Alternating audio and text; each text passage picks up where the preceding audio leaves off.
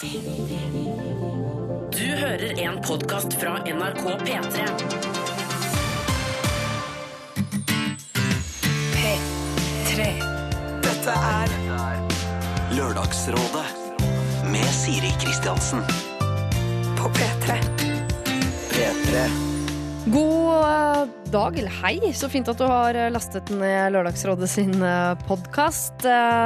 Du har en fin halvannen times tid foran deg. Altså, vi har et problem hvor det er en eh, jente som har blitt frastjålet tingene sine, og så har hun funnet ut hvem tyven er.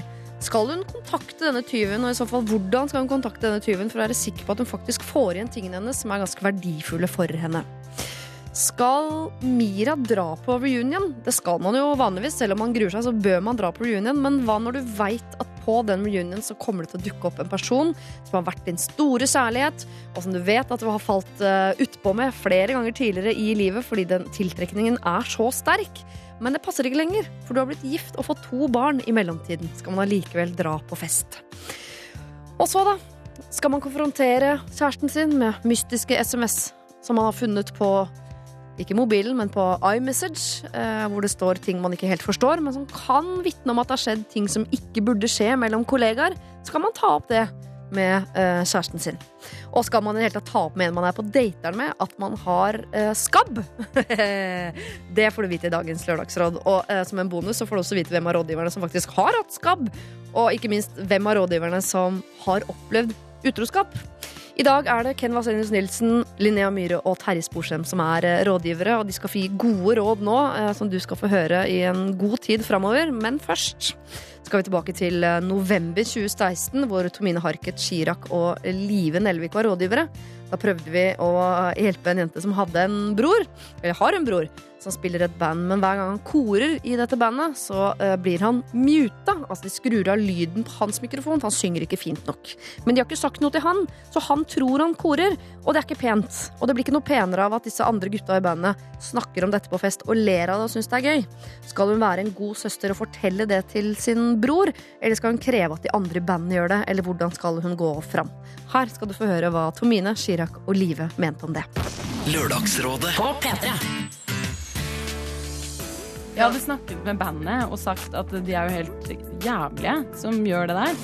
Hun sa jo selv at broren min kommer til å bli dritlei seg hvis det kommer fra meg. Så ville jeg jo da gått til bandet først. Det ille her er at de ler av det på fest. Egentlig ikke at de napper han ut, for han vet ikke det. Altså, han tror at dette det han gjør, er fantastisk. Og eh, det tror publikum også. Tror at han er en helt sånn suveren eh, korist. Det er ingen som skjønner det. Jeg syns du kan gå til bandet og si du, eh, broren min koser seg masse, og det er, men ikke le av det, for det, det er ikke noe Det er stygt. Det eneste de gjør feil, er jo egentlig bare å ikke tørre å konfrontere han eller snakke med han. For det at et band som vi starter bare for gøy, tar en annen retning, det er helt innafor hvis flertallet i bandet ønsker å bli seriøse og låte bra. Ikke sant? For alt eh, dette det vi har sagt nå, preges jo av at vi bare å, så synd på han, eller alle må få være med, og det er jo ikke syverfotball der. Dette er Lørdagsrådet På P3. P3. Live Nelvik Chirag og Tomine Harket altså prøvde å gi så gode råd som mulig til Runa, som jo var usikker på om hun skulle fortelle sin bror at eh, bandmedlemmene hans mutet han når han koret eh, når de hadde konsert. Runa skriver Det var utrolig gøy å høre dere ta opp problemet mitt, og digg med ekstra oppbacking fra dere. Problemet er både komisk og sårt på samme tid, men jeg hørte på dere og tok mot til meg. Jeg avtalte å møte den ene i bandet noen dager før de skulle ha konsert, og han ble rimelig flau og skjønte kjapt at det var eh, noe han måtte ta videre. Jeg sa det som det var, at det var skikkelig råttent gjort, og at de måtte si fra til broren min om at han ikke kan kore, men at de ikke trengte å nevne at de hadde mutet han tidligere. Og det gjorde de faktisk. Broren min blei litt såra, og det er kanskje ikke like gøy eh, for han som det har vært, men nå er de i hvert fall ærlige, og de som skal være kompisene hans, går ikke bak ryggen hans og kniser. Det var så sjukt godt å bare gjøre det og være dødsærlig med hvordan jeg følte det, og hva som var riktig å gjøre. Så tusen takk for gode råd og oppbacking. Det trengte jeg noe så sjukt. Hilsen eh, Runa.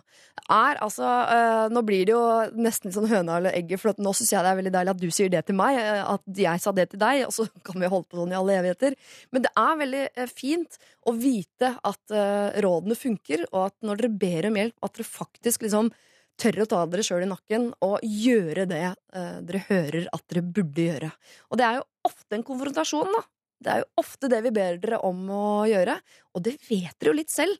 Men det er klart, når eh, Chirag, Live Nelvik, Tomine Harket sier at du skal gjøre det, ja, så blir det plutselig litt eh, lettere. Dette er P3. God morgen, eh, Linnea Myhre, Terje Sporsem, Ken Vasenius Nilsen. God morgen. Er dere våkne? Nå? er Ja. Begynner å komme seg. Begynner å komme seg, ja. Dere ser ikke så trøtte ut. Åh, gud, ja, bra. Da har jeg sminka, da har jeg sminka godt nok. Jeg skraper fortsatt ting ut av fjeset, eh, så det vil si at det er tidlig.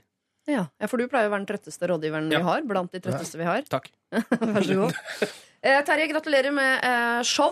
Du, takk for det. Er det gøy, eller? Med eget standup-show? Det er utrolig digg å komme i gang. Jeg har liksom jeg jeg har aldri gjort så mye research før i- på et show nok en gang. Da. Vi har holdt på i to og et halvt, tre år, så det er Ja, for du, har- nå har du lest liksom Toran, Koranen, Bibelen, alle de andre. Ja, Det er de tre jeg kan. Ja, og Toran er jo Gamle testamentet, så det er en del av Bibelen. Ja. Ja, eh, så, men det Se, sånt kan du nå, etter Ja, to ja. og et halvt år med research. Sånn har det blitt! Nå vet du endelig hva du snakker om. Når Ja, ja. Det er veldig, veldig bra. Bare vasprater Ja. fram til nå. Åh, Men, eh, men det er deilig, og vi fikk jo terningkast fem, og eh, superfine anmeldelser, og det er fulle hus. Og, nei, det er Hvorfor god snakker du i flertall? Du sier vi. Hvem er det? Står Jeg, jeg liker å eh, inkludere folk i produksjoner. Oh, ja. så, så regi og produsenter. Vi er, det, det, er jo, det er jo ganske mange som er med i en sånn produksjon. Sånn type er du. Sånn, sånn er Sånn er jeg, rett og slett. Eh, Linnea Myhre, gratulerer med teater. Eh, noen har laget et teaterstykke basert på ditt liv, eller din bok, da. Mhm. Eh, vi har jo snakket om det før, vi to, men aldri her i Lørdagsrådet. Eh, det er jo sjukt. Ja, det er en veldig surrealistisk opplevelse å sitte og se din egen roman bli spilt ut på scenen foran seg. Um, og spesielt når du ikke har lest boka du skrev på fem år sjøl.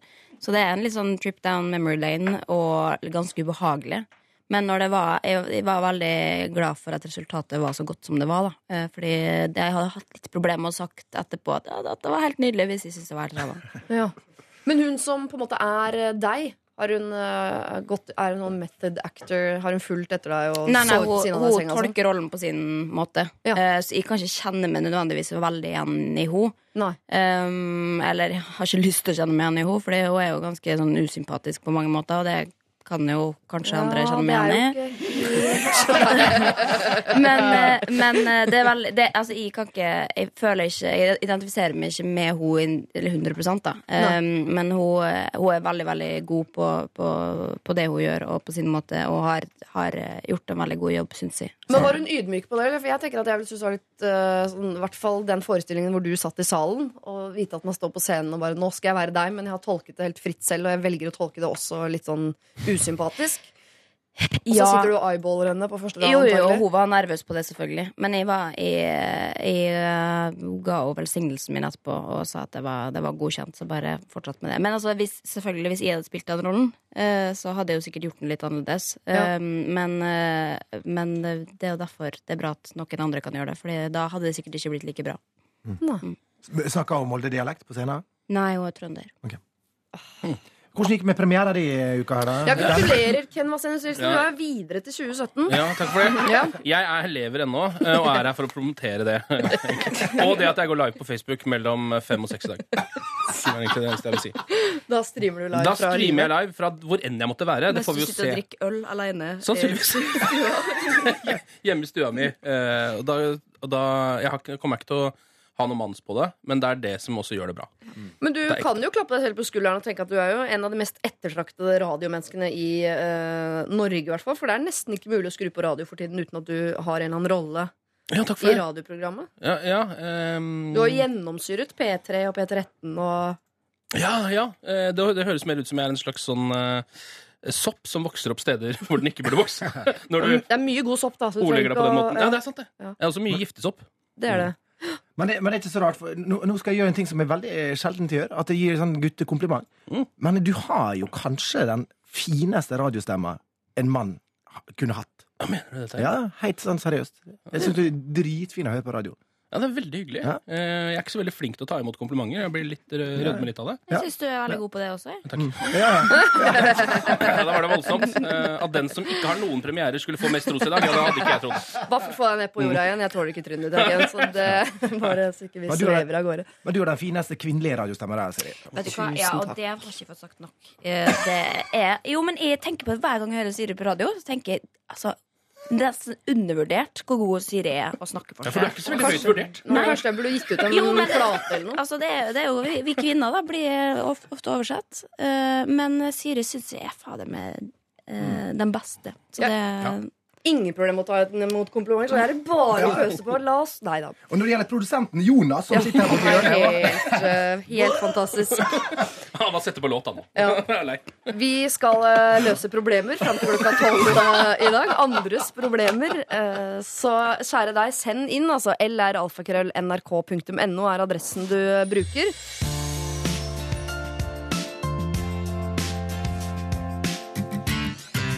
Eh, og fra det så vil jeg gjerne vite sivil status til dagens rådgivere. Lina Myhre, åssen går det der?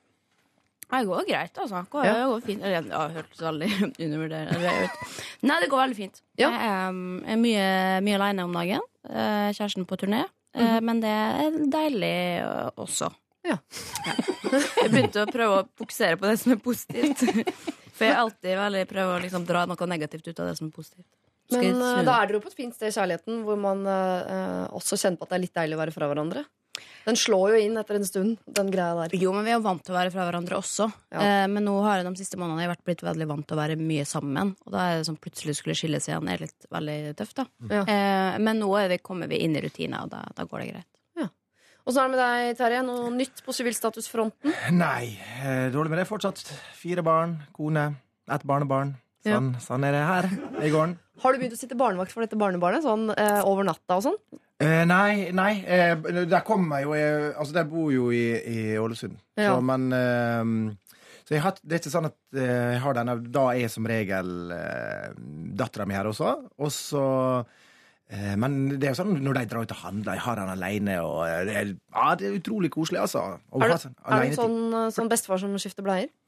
Å ja, ja, ja. Ja, ja. ja. ja, ja det, det, er ingen problem. Men ehm, eh, det er jo eneste gutten. Jeg har, jeg har fire døtre, så jeg har liksom endelig fått en gutt. Og det, jeg gleder meg sånn. Jeg skal forme han akkurat sånn som jeg vil ha han. Det blir en skikkelig mannegris. Endelig! Åssen er det med deg, Ken? Er det noe løv? Nei, eh, nei. Nei? Eh, Det er vel mye av det samme som det var de eh, forrige 200 gangene jeg har vært her. Ja. Eh, ugift. Fortsatt på hap uh, Happen. En- ikke prøvd noen nye datingapper. Du er ikke på Tinder, du? Er ganske Nei, jeg er litt lei av Tinder. Jeg pleier alltid å anbefale det til mine venner som er på Tinder. Du må gå på Happen. Det er der det skjer. Selv om Ja. jeg ikke har vært medlem der sjøl. Men uh... Nei, men det er spennende. Uh, selv om det er jo litt merkelig med dette her at man ser akkurat hvor langt unna folk er hele tiden. jo, men så er folk mye penere der. Ja, det er de. Og så er man jo kanskje ute etter litt sånn annen greie. Ikke bare ligge og så aldri snakkes igjen. Så folk er penere på én app enn annen? Ja, altså, det er mye ræl på Tinder. Kan være innstillingene altså, Er det noe filter der, eller? Ja, men jeg tror det bare er fordi at eh, Tinder er jo på en måte mye større, så der er jo alle. Eh, mens Happen er litt, bitte lite grann mer eksklusivt. Og når man gjør ting mer eksklusivt, så blir folk også vakrere eh, der. Og det, og det dere gjør nå, det, nå ødelegger dere. Sant? Nå går, går dere på nasjonal radio, så alle nå de stygge folka fra Tinder går inn på Happen. Bryr meg ikke. Så nå er Jeg vi i er gang ikke singel, så jeg er greit for meg. Nå er det utvannet happen, ikke sant? er jeg, er ferdig med Happen nå. jeg. Eh, men jeg husker ikke om jeg sa det til deg, Ken, men det er jo forrige gang du var her, så fikk vi mail fra en eller annen jente som lurte på om jeg kunne sette dere to i kontakt. Og det, er ikke først, det skjer nesten hver gang du er her. Men jeg Ja. lurer på om jeg bare har glemt å videreformidle det. Ja, Så viktig er kjærligheten. Ja. Men da skal jeg videresende den mailen, for Ja. hun var rimelig fysen på å date deg. For å si det sånn det, Ja. ja. Så da sender jeg den videre etterpå. Hvis du hører på, så send en ny mail. For jeg kan ha, jeg kan ha sletta den. For jeg, jeg rydder ofte for mye og for fort. Så jeg rydder bort ting jeg skulle hatt, osv. Eh, lralfakrøll.nrk.no. Det er mailadressen også Tina har brukt når hun har sendt inn følgende problem. Jeg er en jente på 23 år, og for tre år siden ble jeg sendt med en fyr på 27 år. Kall han Theo. Vi traff hverandre i ny og ne, og vi ble gjennom tiden eh, veldig gode venner. Enda litt tid gikk, og jeg utviklet følelser for han og ble rett og slett dødsforelska. Han hadde kjæreste, så det var ikke stort jeg fikk gjort med det. Og når tiden eh, gikk eh, videre, så sitter jeg her i dag og kan si at nå har jeg ingen følelser for han lenger. Men han er en av mine beste venner. Så til problemet. Da jeg ble forelsket i han, oppførte jeg meg som jeg tror de fleste gjør når de er forelsket. Jeg var alltid redd for å si noe feil eller gjøre noe som han syntes var teit, og ville fremstå som morsom og kul, og følte at jeg måtte imponere han hele tiden. For å sette et overdrevent og primitivt bilde på det, så oppførte jeg meg litt som en liten, uskyldig jente. Nå har jeg jo ingen følelser for han, men jeg oppfører meg fortsatt på samme måten rundt han. Og vanligvis er jeg veldig trygg i meg selv og tar mye plass i sosiale settinger, men når jeg er rundt han, så blir jeg hun uskyldig teite lille jenta igjen som jeg var da jeg var forelsket i han. Jeg treffer Theo nesten hver dag, og vi er sammen utrolig mye, og det klikker for meg fordi jeg føler at han ikke kjenner den egentlige meg. Jeg går ubevisst inn i det samme tankemønsteret når jeg er sammen med han, bare fordi jeg alltid har vært sånn når jeg har vært rundt han. Så hva skal jeg gjøre, da? Jeg er så lei av å tenke «Åh, hva skal jeg si nå når vi er sammen? Hjelp! Hilsen Tina. Skjønner dere? Hun har altså grodd fast i sin egen bås og kommer seg ikke ut. Dette er jo litt sånn samme problem som man får eh, hvis man skaper seg en slags identitet på internett som man føler at man må stå ved når du plutselig møter folk i virkeligheten. Ja. Eh, kjenner med han. Eh, og det kan ta ganske lang tid, tror jeg, før man på en måte greier å, å bli trygg på det man egentlig er i med noen som du forventer at skal være en viss måte Eller sånn som noen forventer, føler at folk forventer at sånn skal du være, og da Tenk om man ikke liker den egentlig, liksom, og derfor står man ved det. Men hvis hun er veldig obs på det, da, så er det veldig rart at hun ikke tør å, å hoppe tilbake til seg sjøl. Men det blir kanskje en litt sånn brå overgang hvis hun egentlig er totalt motsatt. Ja, at- at- Sjansen for at han ikke liker den egentlige Tina, er jo faktisk også til stede. Ja, for, for hvis hun er veldig sånn Å, det er ikke si sånn, mens hun egentlig er øh, Hvis hun er der, så, så skjønner jeg at det kanskje kan være litt problem. Men ja, for det interessante er jo liksom hvor annerledes er jo hvordan altså, går det an å være? Hva- hva- Hvor dypt har du gått inn i den rolla? da? Mm. Jeg, jeg, jeg har aldri hørt et lignende Nei, men man vokser jo fast i sånne. Så for eksempel hvis du har eh, brødre da, eh, som møter hverandre nesten bare i jula. Og da er det akkurat som at de er eh, 12 og 18 igjen. På en måte, at storebroren er storebroren, og lillebroren er lillebroren, selv om det, de nå er i 40-åra. Ja. Så man Så kanskje det kan handle om at, uh, at man skal møte brødrene sine utenfor jula, eller at Tina at, uh, bør treffe denne Theo litt sånn uh, på andre arenaer. Jeg tenker, det må jo Ja, kanskje sammen med andre, rett og slett. Ja. At, at hun da tør å kanskje mer Eller hvis det på en måte Hvis du tar med én hver gang, holdt på å si, så, så kanskje det er lettere for henne å, å prøve gradvis å bli seg sjøl. Fordi ja, jeg merker jeg har mange venner som også er sånn som oppfører seg ulikt fra, fra kanskje fra jenter til gutter. da Mm. uh, Og det kjenner jeg at irriterer meg. Hvorfor, ja, men hvorfor, er han, hvorfor er han sånn med jenter? Han kunne jo det, Jeg skjønner jo hvorfor han er singel, da, for han, da oppfører han seg på en helt annen måte. Han er jo så kul når han snakker med oss jenter som han ikke er forelska i, på en måte. Ja. Eller prøver å imponere. Uh, og da kunne jo han fått hvem som helst, men når han går inn i den rollen, så tenker jeg men hvorfor gjør du det? Og det har jeg av og til sett, og da blir det sånn du har lyst til å si det, men du kan ikke si det død, sånn som du er med jenter. Det jeg skjønner, Nå skjønner jeg hvorfor du er singel. Det, det er veldig vanskelig å si det også, men ja. Ja, for si det. eh, Altså, eh, når vi først er innpå det, da, er det et alternativ at Tina um, forteller Theo dette? Jeg har vært forelsket i deg, derfor oppfører jeg meg sånn. Nå har jeg lyst til å oppføre meg annerledes. Gleder meg til neste gang vi ses. Og så slippe dyret løs. Ja, Eller- ja, for, for, for de var jo kjærester. Og Nei, te- nei. De var ikke det? Nei, de har ikke, aldri hatt han kjæreste. har hatt kjæreste. Å, Han har hatt kjæreste hele tiden. ja, sånn, riktig. Men hun har bare oppført seg litt sånn eh, rundt han, sånn forelska rar. Og det har hun ikke lyst til å være, for hun er ikke forelsket i han. Men det er litt, Sikker på det? Sikker på det? ja, det er det, da. Fordi, ja, Kanskje det er det underbevisen lurer òg? ja, er det noe sånn uforløst forelskelse som ligger her, som kommer til å Jeg var redd dere skulle gå den veien der. Det vet vi jo ikke, men Nei, Hvis hun insisterer på det, så, så må vi jo bare tro på det. ja. Ja. Hun vil bare ha bort den måten å oppføre seg på. Og da er det jo egentlig eh, to veier å gå. Enten eh, rive av plasteret og bare eh, stå fram som veldig annerledes neste gang. Eller gjøre det gradvis. Nei, jeg tror faktisk jeg hadde lyst, hatt lyst til å sagt det. Bare sånn, du, jeg ser fortsatt at de... at eh, henger meg fast i den jeg kanskje var når jeg var litt opptatt av å framstå veldig perfekt overfor det. Eh, og det plager meg litt. Og eh, jeg har lyst til å prøve å snu det. Jeg tror ikke jeg er så veldig mye mer annerledes, men bare, ja, bare på en måte forberede den på det. da Så det ikke man tenker Men da at må du fortelle han at hun har vært forelsket i han òg. Det ja, ja, spiller jo ingen rolle, det, hvis eh, hun ikke er det lenger. Men så blir det jo veldig sånn Du, jeg har egentlig en annen personlighet. Så er det sånn, ok, vis meg den, da. Ja, nå, nå kommer den. Nå kommer den, Pass deg. Nå, nå er jeg han andre fyren. Jo, men det går ikke an. Jo, men det er derfor jeg tenker at det kanskje er like lett å bare jeg tror nesten at problemet ligger mer hos henne. At ikke hun klarer å være annerledes når hun er sammen med han. da. Mm. Ikke det er det at han egentlig kommer til å motta det så ille, kanskje. Men det er vanskelig å forandre personligheten sin. Eh, har dere klart det sjøl noen gang å gå fra Jeg vet jo at du, Linnea, har hatt en slags transformasjon eh, de siste årene fra å være bli gradvis litt blidere, f.eks. Ja, eller bli gradvis litt mer meg sjøl, da. Ja. For å si det på en annen måte. Og det er akkurat det Tina skal gjøre nå. Hva Mm. er hemmeligheten bak din suksess på det? Nei, det er tid, da. Er det bare tid? Ja, jo. jo, men sånn som jeg tenker her også, så Man må jo passe seg litt òg. Kanskje hvis hun plutselig blir seg sjøl, så blir han forelska i henne. Det er jo gjerne det, i de tilfellene i hvert fall, som jeg har ikke vært opptatt av den andre, fordi jeg har ikke prøvd å gjøre meg til eller prøvd å liksom imponere. At det er da man gjerne får liksom ja, Ja. gjennomslag, da. at da, da Altså, når du blir den der fnisete, så, har, så føler man bare at Det er ikke så interessert i, liksom.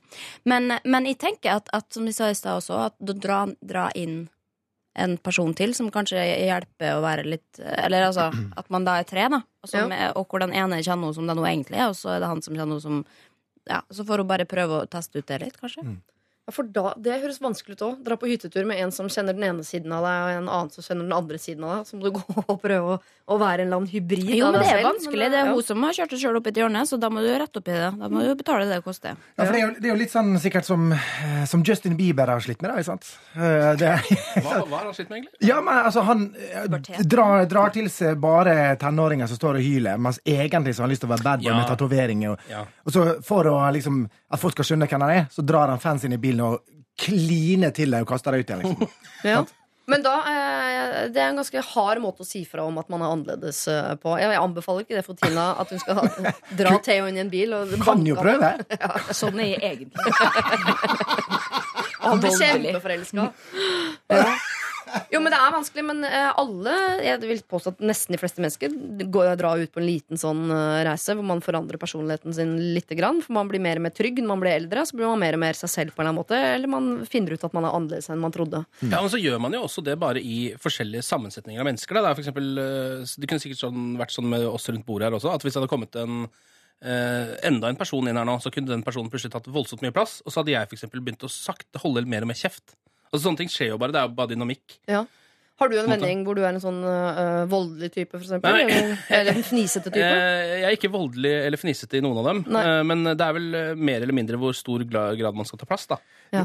På en måte. Men man tilpasser seg jo litt. Ja, Det er jo det, det som er ganske bra med mennesker. Altså, hvis man sitter med barndomskompisene, sant, da, da blir man på en måte den 15-åringen igjen. Når man er med dem, for da man husker man har de, de referansene man kan være dem. Altså, så sitter man med Sivert Høyem og noen andre, så blir man jo plutselig kanskje litt mer eh, Ja, sier du det, ja? At, at man, Og du blir same. Du blir. Det er veldig spesielt. altså, jeg har aldri sittet med Sivert Høyem, men Ja, for da blir du Sivert Høyem, tydeligvis, hvis du sitter sammen med Sivert Høyem. ja, jeg gjør det. Ja. Så sitter vi siden Hvem er du? Og han sier 'Hvem er du?' Hvem er jeg? Moon landing. Um, Men jeg, jeg lurer også litt på om et grep kan være at Tina faktisk, selv om vi ler av at han, hun skal dra Theo inn i en bil og banke han opp og, og slippe han ut igjen, at hun skal ta en sånn ting som er litt sånn overdriving av seg selv, eh, som man kanskje havner litt i sjokk på, og så kan hun gradvis gå litt tilbake. Så jeg tenker på sånn eh, hvis man har venninner som man bare egentlig eh, snakker rolig med, har litt sånn kjedelig med, altså har man lyst til å ha det mer gøy med dem, så kan det være et alternativ å gå på en fest og være helt Altså være helt koko bananas. Mm. Og så kan man gå tilbake og møte seg selv litt sånn på halvveien.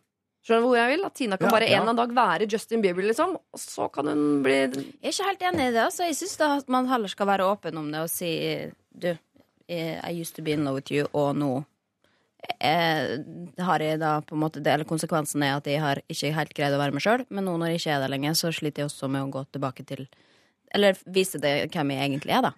Det bare høres vanskeligere ut da å være seg selv etterpå, Fordi da er det, Jo, men de da er er det enda venner. flau. Ja, men Det må vel gå an å si ting hvis man er venner?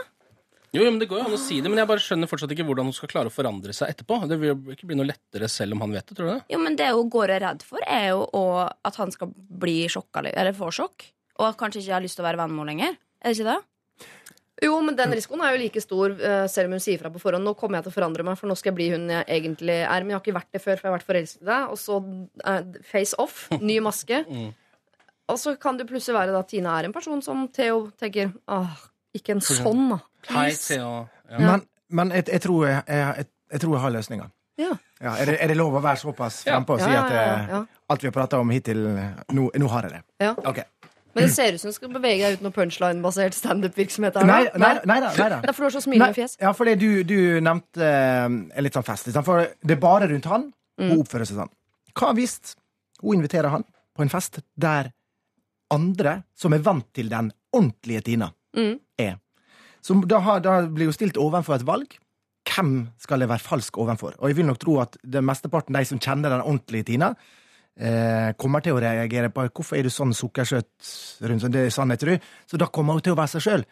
Så fordi de er der, så vil hun tvinge seg sjøl til å være naturlig, og da vil han, Theo, som er 27 år gammel, se hvem den ekte eh, Tina er. Ja, Du mener sånn som man egentlig er da på fylla? Det er det som er den ekte? Ja, ja, ok, ok, Men, men det er ikke nødvendigvis fest, da. Men Nei. eh, la oss si at vi drar en plass der Der hun er tvunget å være seg sjøl fordi at det er veldig mange andre som kjenner henne. Liksom. Hyttetur, ikke sant?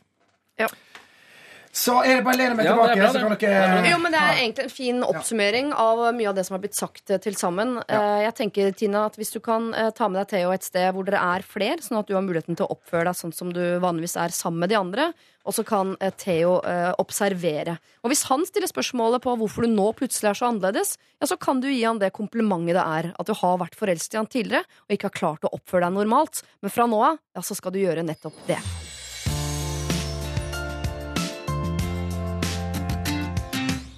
Komiker Terje Sporsem, eh, radioguru Ken Vasenius Nils. Kan man si guru om menn? Ja, det kan man. Eh, og forfatter Lin- Linnea Myhre. Det bare plutselig hørtes eh, Det rart ut. Ja, først og fremst menn han sier guru om. Ja, ja, Ja. hørtes ut sagt om kvinne. Nei, jeg har aldri hørt om en kvinne. Ja, Kanskje du kan forklare oss forskjellen på guru og gud, for eksempel, Terje? Du som jo har lest alle disse hellige skriftene nå som fins. Ja, det er ganske stor forskjell på en guru. Altså, en guru er jo Altså, lama eh, En lama. Ja, men hør da, altså Dalai, Dalai Lama Dalai Lama, ja. Dalai Lama er direkte oversatt et hav av visdom guru. Ja. Sant? Det er en leder. Ja. Så lama er da en leder. Ja, Så at Ken er en eh, radioguru, er ikke helt uh, skivebom. Eh, Radiolama. Mm. Slags, ja. Takk for det. Vær så, vær så god. Dere eh, har fått inn en mail, eller alfakrøll.nrk.no, hvor det står Kjære Lørdagsrådet. For en liten stund siden kjøpte jeg en kjole som jeg hadde på meg på jobben noen dager etterpå. Det var en meget spesiell kjole som hadde et unikt mønster som jeg fikk mange komplimenter for. To av mine kollegaer, kall de gjerne Tina og Bettina, spurte hvor jeg hadde kjøpt denne kjolen, og jeg tenkte ikke noe mer over det. Fem dager etter skjedde det som måtte skje. Tina hadde kjøpt eksakt samme kjole. Hun lo litt og sa 'Bettina har også kjøpt samme kjole'. Og etter dette har både Tina og Bettina brukt kjolen titt og ofte, og innimellom går vi med den samtidig på jobb. Jeg blir altså så irritert og vurderer å slutte å bruke kjolen for å slippe å høre kommentarer som 'Er dere tvillinger, eller? Planlagt antrakk i dag, eller?' Må jeg, altså, må, må jeg slutte å bruke kjolen? Jeg hadde den jo først. Kall meg gjerne Eline. Her kommer altså den 'jeg hadde den først', som man har sagt siden man var tre år gammel. Men her, her forstår jeg det. Man har lyst til å bli Ja. tre år gammel og si 'jeg hadde den først'. Jeg bare lurer på hva som er reglene der. Det er ikke noen regler. Nei, men De må jo være eh, strammere, eh, for, altså, eller mindre stramme, for plagg som f.eks. er kjøpt på Hennes og Maurits. Hvor, Ja. altså, som er veldig billig, som alle har tilgang til. Eh, så hvis dette er en altså, sånn, Ikke det at jeg mener at eh, du må kjøpe dyr kjole for at ingen andre skal få kjøpe den, men da forstår jeg det jo hvis flere går med den. Altså sånn, Du kan ikke forvente at du kjøper liksom, den Ja. nye capsen på HM, og så har det ingen andre som har den i byen.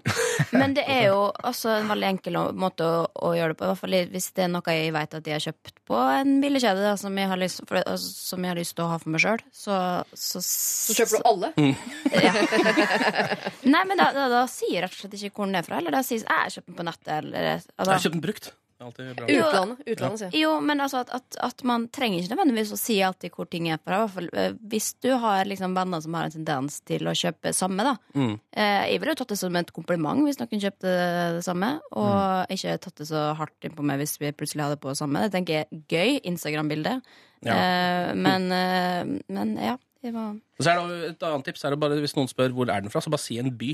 Da høres du veldig sofistikert ut. Hvor er den fra? Milano. Men det er, veldig, det er veldig godt tips til neste gang. Eline er i den situasjonen. Men det er jo for seint nå, for nå er de tre stykker. Og det er ikke noe sånn uh, Det er gøy på én fest, liksom. Jeg er enig i at det er SoMe-mat, men det er kanskje to dager i uka på lite kontor, da, så er de tre jenter som går ut i samme kjolen. Ja, Det er litt irriterende. Nummer én så bør de jo kjøpe mer klær, så da har jeg mulighet til å bytte oftere. Hvis de går med det så ofte. Ja. Men, men eh, jeg syns det er fascinerende da at to jenter da av de, Tina og Bettina, syns jo at dette her er helt fantastisk, at de kan gå med det samme, mens den eh, originalen, da, Eline. Eline, Mm. eh, hater det, liksom. Og hadde det vært Eline, så ville du bare sagt OK, suck it up. Jeg kjøpte en fin eh, kjole. De uh, syns det var bra kledd. Jeg går og kjøper en ny en, jeg. For jeg har ganske god smak. Jeg har faktisk så god smak. Jeg er en slags trendsetter på jobben. Så Ja, og så kan du bare selge den på Tice, så får du penger for den. Noe som blir glad for den. Ja. Liksom, klær er jo liksom Kan ikke bruke dem for alltid heller. Det går jo lei av dem. men Og da er det greit å gi til neste. Kan jo oppgradere til å legge det i festgarderoben sin. Og ikke begynne å ikke bruke det på jobb lenger, hvis den er såpass fin. da Ja. um, Og så kjøpe en ny kjole som kan gå inn i A-listerotasjonen og brukes på jobb og sånn. Men, men, men det som da skjer, er jo at Å ja, så du på fest så tar du på deg det som Tina og Bettina har på til vanlig? Ja, Ja, det blir litt rart, det. ja det blir kanskje Men da, litt rart. altså, da tenker jeg fest som er uten folk på jobb, så ingen vet det. Ja, ja, ja. Um, hvis Hjemme. man har klart å dele opp såpass Ja, hva bruker den hjemme? Det, Eh, hvis Jenny Skavlan hadde vært der, så ville hun jo sagt at hun skulle sy den om, eller farge den, eller lage Ja, babybjørnehatt, eller altså, et eller annet. folk flest med. Nei, det er ikke det folk driver med. De fleste kjøper jo bare ny. Men jeg er enig i at det er et kompliment. Allikevel så skjønner jeg irritasjonen til Eline. Og jeg er veldig fascinert over at dere er så mye bedre mennesker enn meg, som hoppet rett over den fasen som jeg gikk inn i først. Som var sånn Si sånn 'Å ja, hvilken størrelse måtte du kjøpe den i?' Ja, Eller 'Å, den sitter sånn på deg', ja. ja jeg slutta å bruke min. Jeg synes den var så fin. Altså, jeg gikk jo rett inn i hvor sure kommentarer kan man slenge til kollegaene sine. Men eh, jeg skjønner at det, det er ikke veien å gå. Hun burde ta det som et kompliment, Eline. Og slutte Ja. å bruke kjolen på jobb. Kjøpe en ny kjole, eller bare bruke den privat. Og heller si da, hvis du får kommentarer sånn ja, du har Eller dere har samme kjole, så bare sånn Ja, men jeg kjøpte den først. Ja. Mm. Det, det løser problemet, for da er det dem som ser- dumme ut. Ja. Og, og hvis hun er såpass eh, Altså, folk ser opp til henne litt sånn i klesveien. Og vil Tina bli Bettina vondt, så kan du kjøpe seg en skikkelig stygg kjole. Ja. Og så se slik at de Å, hun- nå har Eline det, så nå går vi og kjøper det. Og så bare The joke is on you. Yeah. For eksempel. Det er lurt. Så det, jo, men det er lurt. Eline, har vi, vi har ikke så mange gode råd på akkurat det problemet du er oppi nå, men vi har gitt deg en del gode råd på hva du gjør neste gang. Enten kjøper du en veldig veldig stygg kjole, sånn at du kan le hver dag de bruker den på jobben, eller så må du for guds skyld ikke si hvor du har kjøpt klærne dine, eller hvor late som du har vært i Amsterdam eller Madrid eller et eller annet i helga, eh, eller at eh, bestemora di har strikka den eller et eller annet. Du må slutte å si hvor du har kjøpt klærne dine, hvis du vil ha de for deg eh, selv. Men den kjolen du har nå, ja, den må du enten sy om, farge, eller bare bruke på fest.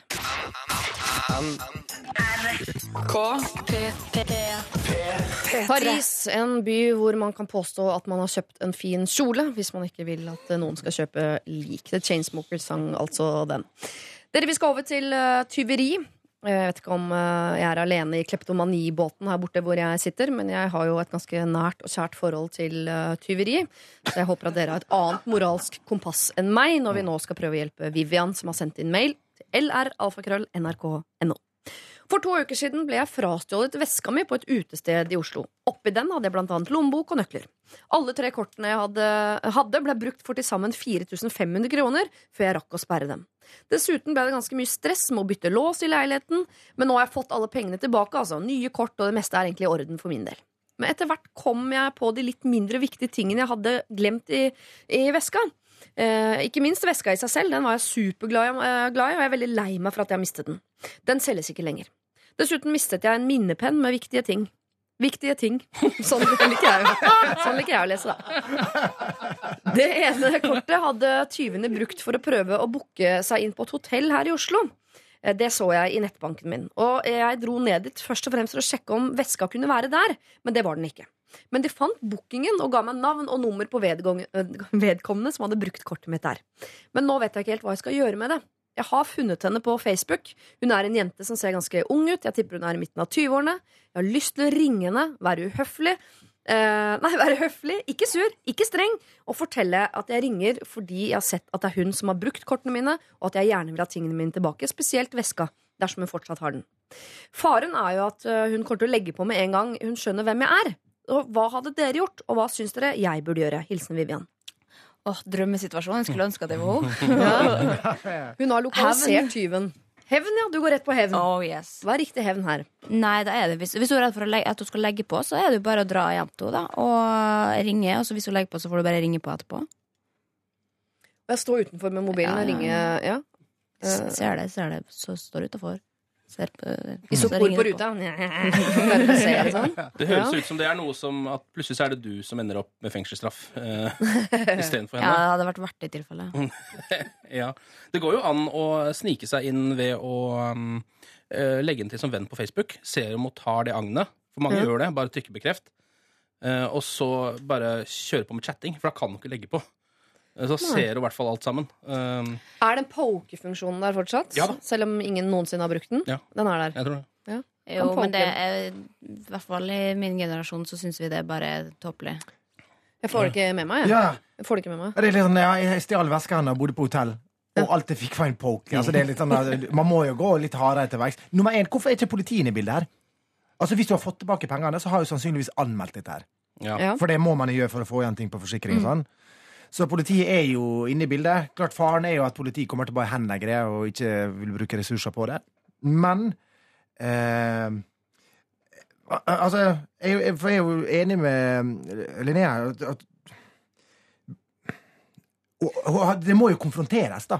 På, på en eller annen måte, men bare stå utafor. Men jeg ville tatt med meg noen som kunne bistått litt, kanskje. Ja, mener du da en venn, en forsikringsagent eller en politimann? Eller hva? Noen Noe med hettegenser og balltre. Noe med hettegenser og balltre. Ikke nødvendigvis så hardt, da, men noen som kan gi det backup. For plutselig i, i den leiligheten så kan det være andre kriminelle som liker å Men er det ikke morsommere med psykisk terror? Ikke, nå høres det ut som jeg er sponset av, eh, av poke-funksjonen på Facebook, men hvis jeg hadde visste at jeg hadde stjålet en veske, og jeg har jo navnet på det kortet, så jeg veit hvem jeg har stjålet veska til Det, er, det står Vivian på det, liksom. Og så blir du poka Vivian uka etter. Da blir du jo rimelig scared. tenker jo at, det, at den psykiske terroren må i hvert fall være Altså, du må kill them with kindness, da. At du, at du bare Sende blomster. Jo, men altså at du får, gir dem dårlig samvittighet, rett og slett. Eh, og det kan jo også føre til at du får, får penger også. Så du får dobbelt opp. At du har tjent på å bli stjålet fra. Hvis man bare spiller kortene sine riktig. Men, Ja. men hva hvis du gjør det sånn eh, litt sånn syk måte? Da, at hun følger litt etter henne, tar bilder av henne, sender små filmer der hun eh, tyven da, gjør dagligdagse ting. Bare sånn 'Jeg vet hvor du bor, jeg vet hvor du er. Du har tatt ting som er mitt'. Så har man det gamle kan, kaninkostymetrikset òg. Bare følge etter i kaninkostymet. uh, kan være vrimelig skummelt. Uh, men jeg tenker sånn, for det, her er det jo forskjellige um, Man må jo se litt på hva som egentlig er det hun vil ha ut av det. Altså Vil ha ut av det en slags uh, hevn, som er sånn Jeg vet at det var deg, eh, og eh, det vil at du skal gjennomgå litt. Eller vil hun egentlig ha tilbake veska si? Hun vil være høflig, ikke sur og streng, og så vil hun ha tilbake de tingene som har verdi for henne. Denne minnepinnen eh, spesielt, og veska som ikke lenger selges. Så hvis Altså- hun skal oppnå det, så jeg veit ikke om vi skal på veien om, om. Nei, Det er bare gøy å leke med Jeg tror nok at, at eh, det er i hvert fall jeg ville gjort. Jeg hadde ikke turt å stille opp på døra. Så det hadde jeg virkelig ikke gjort Men jeg tror jeg sendte sendt en melding og vært hyggelig. Vært Ja. hyggelig i tonen. Sånn som jeg gjør med alle mine fleste kritikere. Bare prøve å liksom si hei, hei, hyggelig med tilbakemelding. Synd at du syns det. For da får jeg som regel et unnskyld. Ja. Um, men eh, å bare si rett og slett du, du, Jeg veit at det er du som gjorde det. Um, og for meg så er liksom eh, penger og sånn, det er ikke så veldig viktig, men det som er viktig for meg, er det materielle som eller de tingene som betydde noe for meg. Og det hadde vært veldig fint om, om vi kan få tilbake det. Kan man være hyggeligtruende og skrive en melding hvor det står noe om at jeg har fått igjen, eh, jeg har fått igjen penger? Nei, du må ikke sånn? si det, for hvis du er hyggelig, så kan det føre til at du får, får også penger. Ja. I hvert fall en 200-lapp. Ja, men så går det, Der kan man jo true med 'hvis ikke går jeg til politiet'-trikset. Ja, det er det, det det jo ikke det jeg tenker at man skal legge til på slutten. At jeg vil veldig gjerne ha igjen den veska. Du kan bare levere den på Narvesen, Slemdalskrysset, liksom. Eh, Mm. Veska og den minnepennen. Det er viktig for meg å få tilbake. Mm. Og så en liten sånn 'hvis ikke, så kontakter jeg' enten en med kaninkostyme, en fyr med baltre eller politiet eller en forsikringsagent. Et eller annet liten trussel på slutten. Ja, for det høres For, for hva har liksom eh, tyven ut av den uh, minnepenna, som da var veldig viktig, og ting som hun ville ha, og, og den veska? Så synes mindre ingen det er nakenbilder av Kåre Ja, Conradi da- på den minnepennen, så vet jeg ikke hva Åh. tyven skal bruke det til. Men det vet man. De er jo allerede ute, så det er ikke noe vits å komme jo ikke noe vei med de. Nei. Hvis ikke det er nye, da.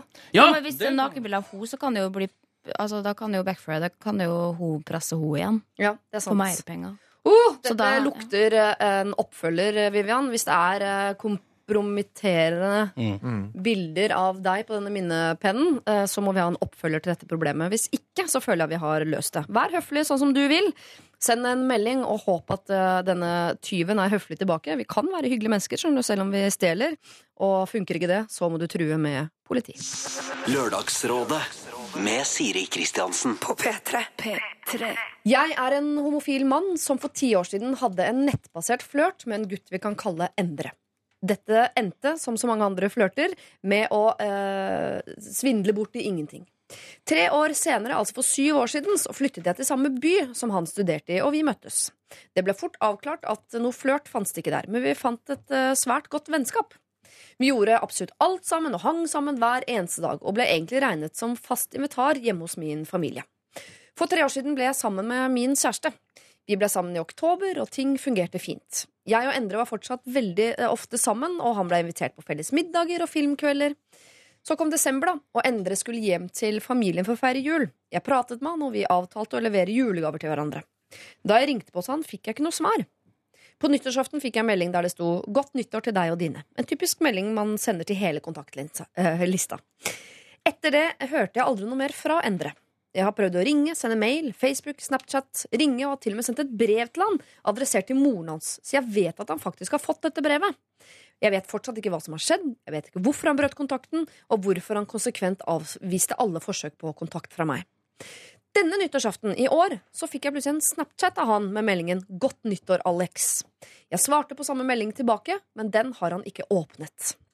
Var dette en invitasjon til kontakt? Skal jeg ta steget som jeg har tenkt så mange ganger, men aldri eh, turt å ta? Sette meg i bilen, på vei bort til han for å konfrontere han face to face? Jeg vil jo ikke virke som en stalker heller, men dette sliter utrolig på meg. Skal jeg prøve å glemme han atter en gang? Kall meg gjerne Alex. Her står han altså mellom skal han eh, prøve å finne ut av dette her, skal han prøve å glemme det nok en gang, hvordan skal han finne ut av hva som skjedde med Endre? Eller skal han la det ligge? Skal vi ta en runde på hva vi tror skjedde med Endre, eller? Psykisk sjuk. Tror du det? Det er vel litt spesielt å bare forsvinne på den måten, da. Men det er også spesielt å ikke på en måte Men for jeg synes det er rart å da bare gi ett sånn godt nyttår året etter, liksom. Og Ikke på en Mm. måte komme tilbake, for at, at hvis man blir Man blir jo som regel bedre av det, på en måte. Så jeg føler jo også at det kan være en litt sånn derre ja, nå er jeg litt lei av vennskapet. Kanskje han var forelska igjen. Uh, Syns det var problematisk at han hadde fått kjæreste. Um, ja, at man kanskje det er masse, masse ting man ikke har sagt, da. Og så tør man ikke å konfrontere, i og med at han da han Alex faktisk har kjæreste, og at det kan stå i fare for å ødelegge vennskapet. Så det er lettere for han å bare bryte enn å faktisk, faktisk snakke med Alex.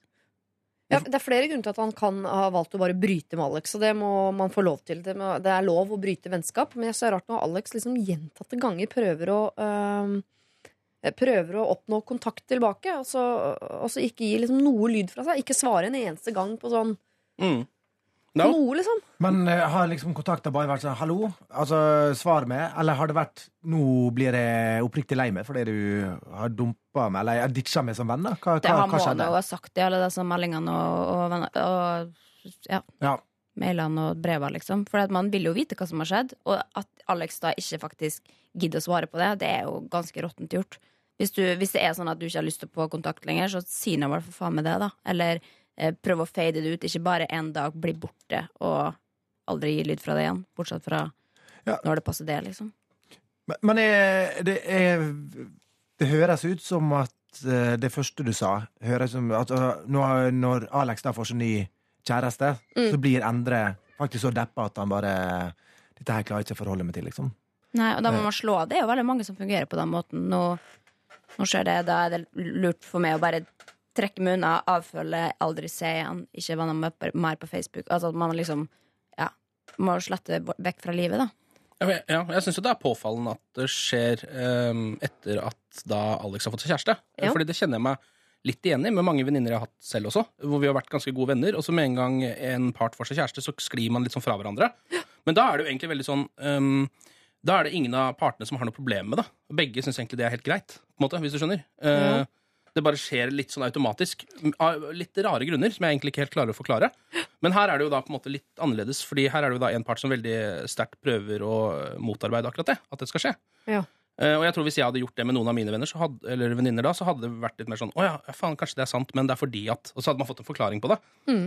Eh, men ja, det ligger jo et eller annet i at, um, i at Endre egentlig ikke vil Han vil ikke oppi dette. Han vil bare holde seg unna det. Nei, jeg tenker, eh, jeg tenker også at uh, Endre har i starten, og Alex har fått seg kjæreste, tenkt sånn Ok, dette må jeg bare takle. Jeg takler dette her, og så takler han en måned eller to, så merker han sånn Nei, jeg orker det ikke mer, og så bryter han all kontakt. Eh, og så har Alex prøvd og prøvd og prøvd, Facebook alt mulig, så han tenker sånn slutt å mase, jeg prøver å komme over deg, og jeg, jeg må ta tiden min til å komme over deg på en eller annen måte. Og så har han klart det, da. eh, på, på nyttårsaften i år, så han tenker sånn Nå er jeg ferdig med Alex. Jeg sender han en godt nyttår-melding. Og så idet Alex svarer, så merker han sånn Nei, det var ikke nei. Ok, da tar vi et sabbatår til her borte for meg selv. Mm. Og så orker han ikke allikevel. For det virker jo som at de to, ehm, selv om de ikke var sammen, så virka det som at de hadde et sånn type forhold som nesten var litt kjæresteaktig. Mm. Uten at de sannsynligvis lå med hverandre, da. Men at de liksom var jo hjemme hos familien. Vi gjorde var absolutt alt sammen, står det, men da Ja. regner jeg med at han ikke mener uh, alt. Ja. Selv om han Mm. skriver alt. Ja, men da regner jeg med alt det andre. Altså Mm. At de har liksom vært såpass nære, da.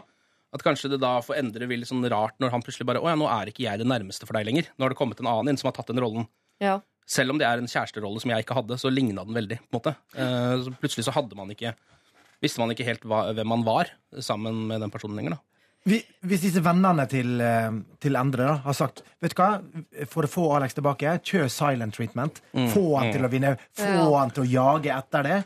Sant? Eh, For, for da, da til slutt vil du, vil du vinne han eh, tilbake, da. Og så er det bare sånne små feilsteg de gangene han har sendt godt nyttår og sånn. på en måte. Da har han bare Eller tenk hvis vi har bedt ham om det her i Lørdagsrådet. Bare ikke svar på et år.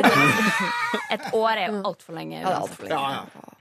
Men eh, vi har masse teorier, og disse teoriene har sikkert Alex vært gjennom selv, på hvorfor Endre eh, ikke ønsker kontakt. Men vi må nå prøve å hjelpe Alex med hva han skal gjøre videre. Skal han fortsette å ta kontakt, eller skal han bare prøve å glemme atter eh, en gang? Det virker jo som det er litt vanskelig å bare glemme det. da Virker som han er såpass opptatt av det at, eh, at det er såpass viktig for han At jeg ville jo prøvd litt til. Og det er jo ikke så lenge siden nyttårsaften. Nei. Og da var det på en måte en, egentlig en positiv utvikling siden tidligere, virker det som. Da Da sendte han i hvert fall en melding, Endre, til Alex. Mm. Eh, Så jeg tror kanskje jeg ville fortsatt litt bare på den litt rolige stien, og prøvd å fortsette å sende henvendelser til han. Men tror du at, det skal, at vi skal gå den rolige stilen? eh, Eller stien? Jeg tror man skulle liksom vært litt tøffere i, og sagt du, alvorlig talt, skjerp deg, liksom. Du kan ikke bare sende én melding sånn der, og ikke fortelle meg hva som faktisk skjedde. Kjefte på han litt, rett og slett? De har jo vært gode venner, og de, han fortjener jo å få høre eh, hvorfor. Eller hvis, Mm. hvis det faktisk er sånn at du, jeg var ikke interessert i å være venn med lenger fordi vi vokste fra hverandre, så det er fair enough. Du trenger ikke si det, liksom.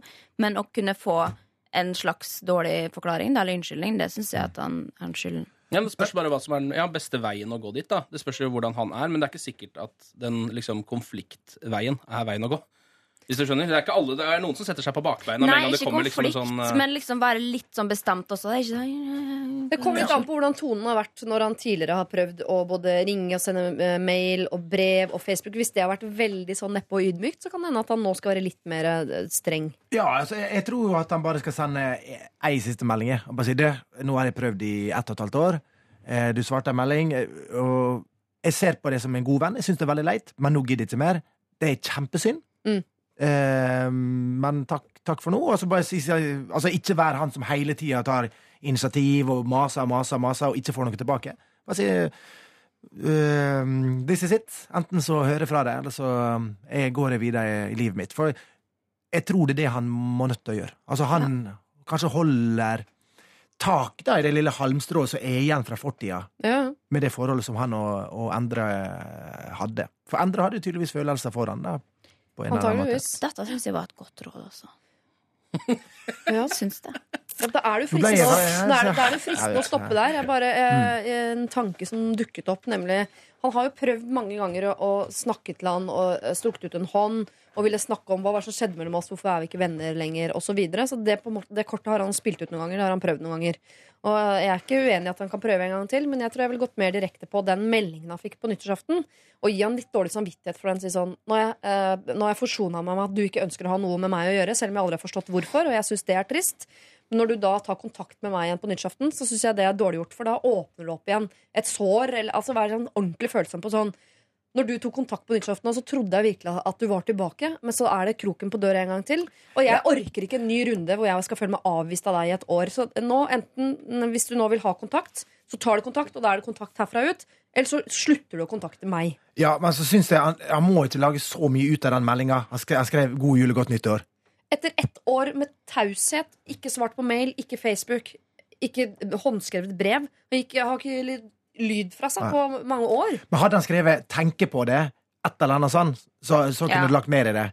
Men god, altså, jeg, jeg sender jo til gamle ekser og sånn, og hvis det plutselig Hvorfor, sånn, Man sitter og spammer ut litt på de, de type dagene da, til nesten alle man har på kontaktlista. Ja. Men den var, den var spesialskrevet til han, da, for det sto Alex. Så det var, Ja. ikke en av de, det var ikke den samme som han sendte til alle de andre. Nei. Hvis du skjønner, Så som har litt å si, syns jeg. eh, faktisk. Eh, Men altså, går Jeg bare ikke håper ikke at han kjenner flere Alex, og at han har sendt den feil. Jeg vet ikke hvordan ja, Den her går til Alex-lista. Jeg er bare legge ut eh, de 200 Alexene mine. Jeg skal få denne. Eh, Men jeg bare tenker, går det an, Kan det være mulig å kjøre litt sånn sneaky stil her? Og bare han, De bor i samme by, gjør de ikke det? Eller bor han Jo, nå gjør de det. Eh, og prøve å finne ut hvor han, eh, hvor han pleier å gå og ta seg en pils, for eksempel, og så dukke opp der en dag.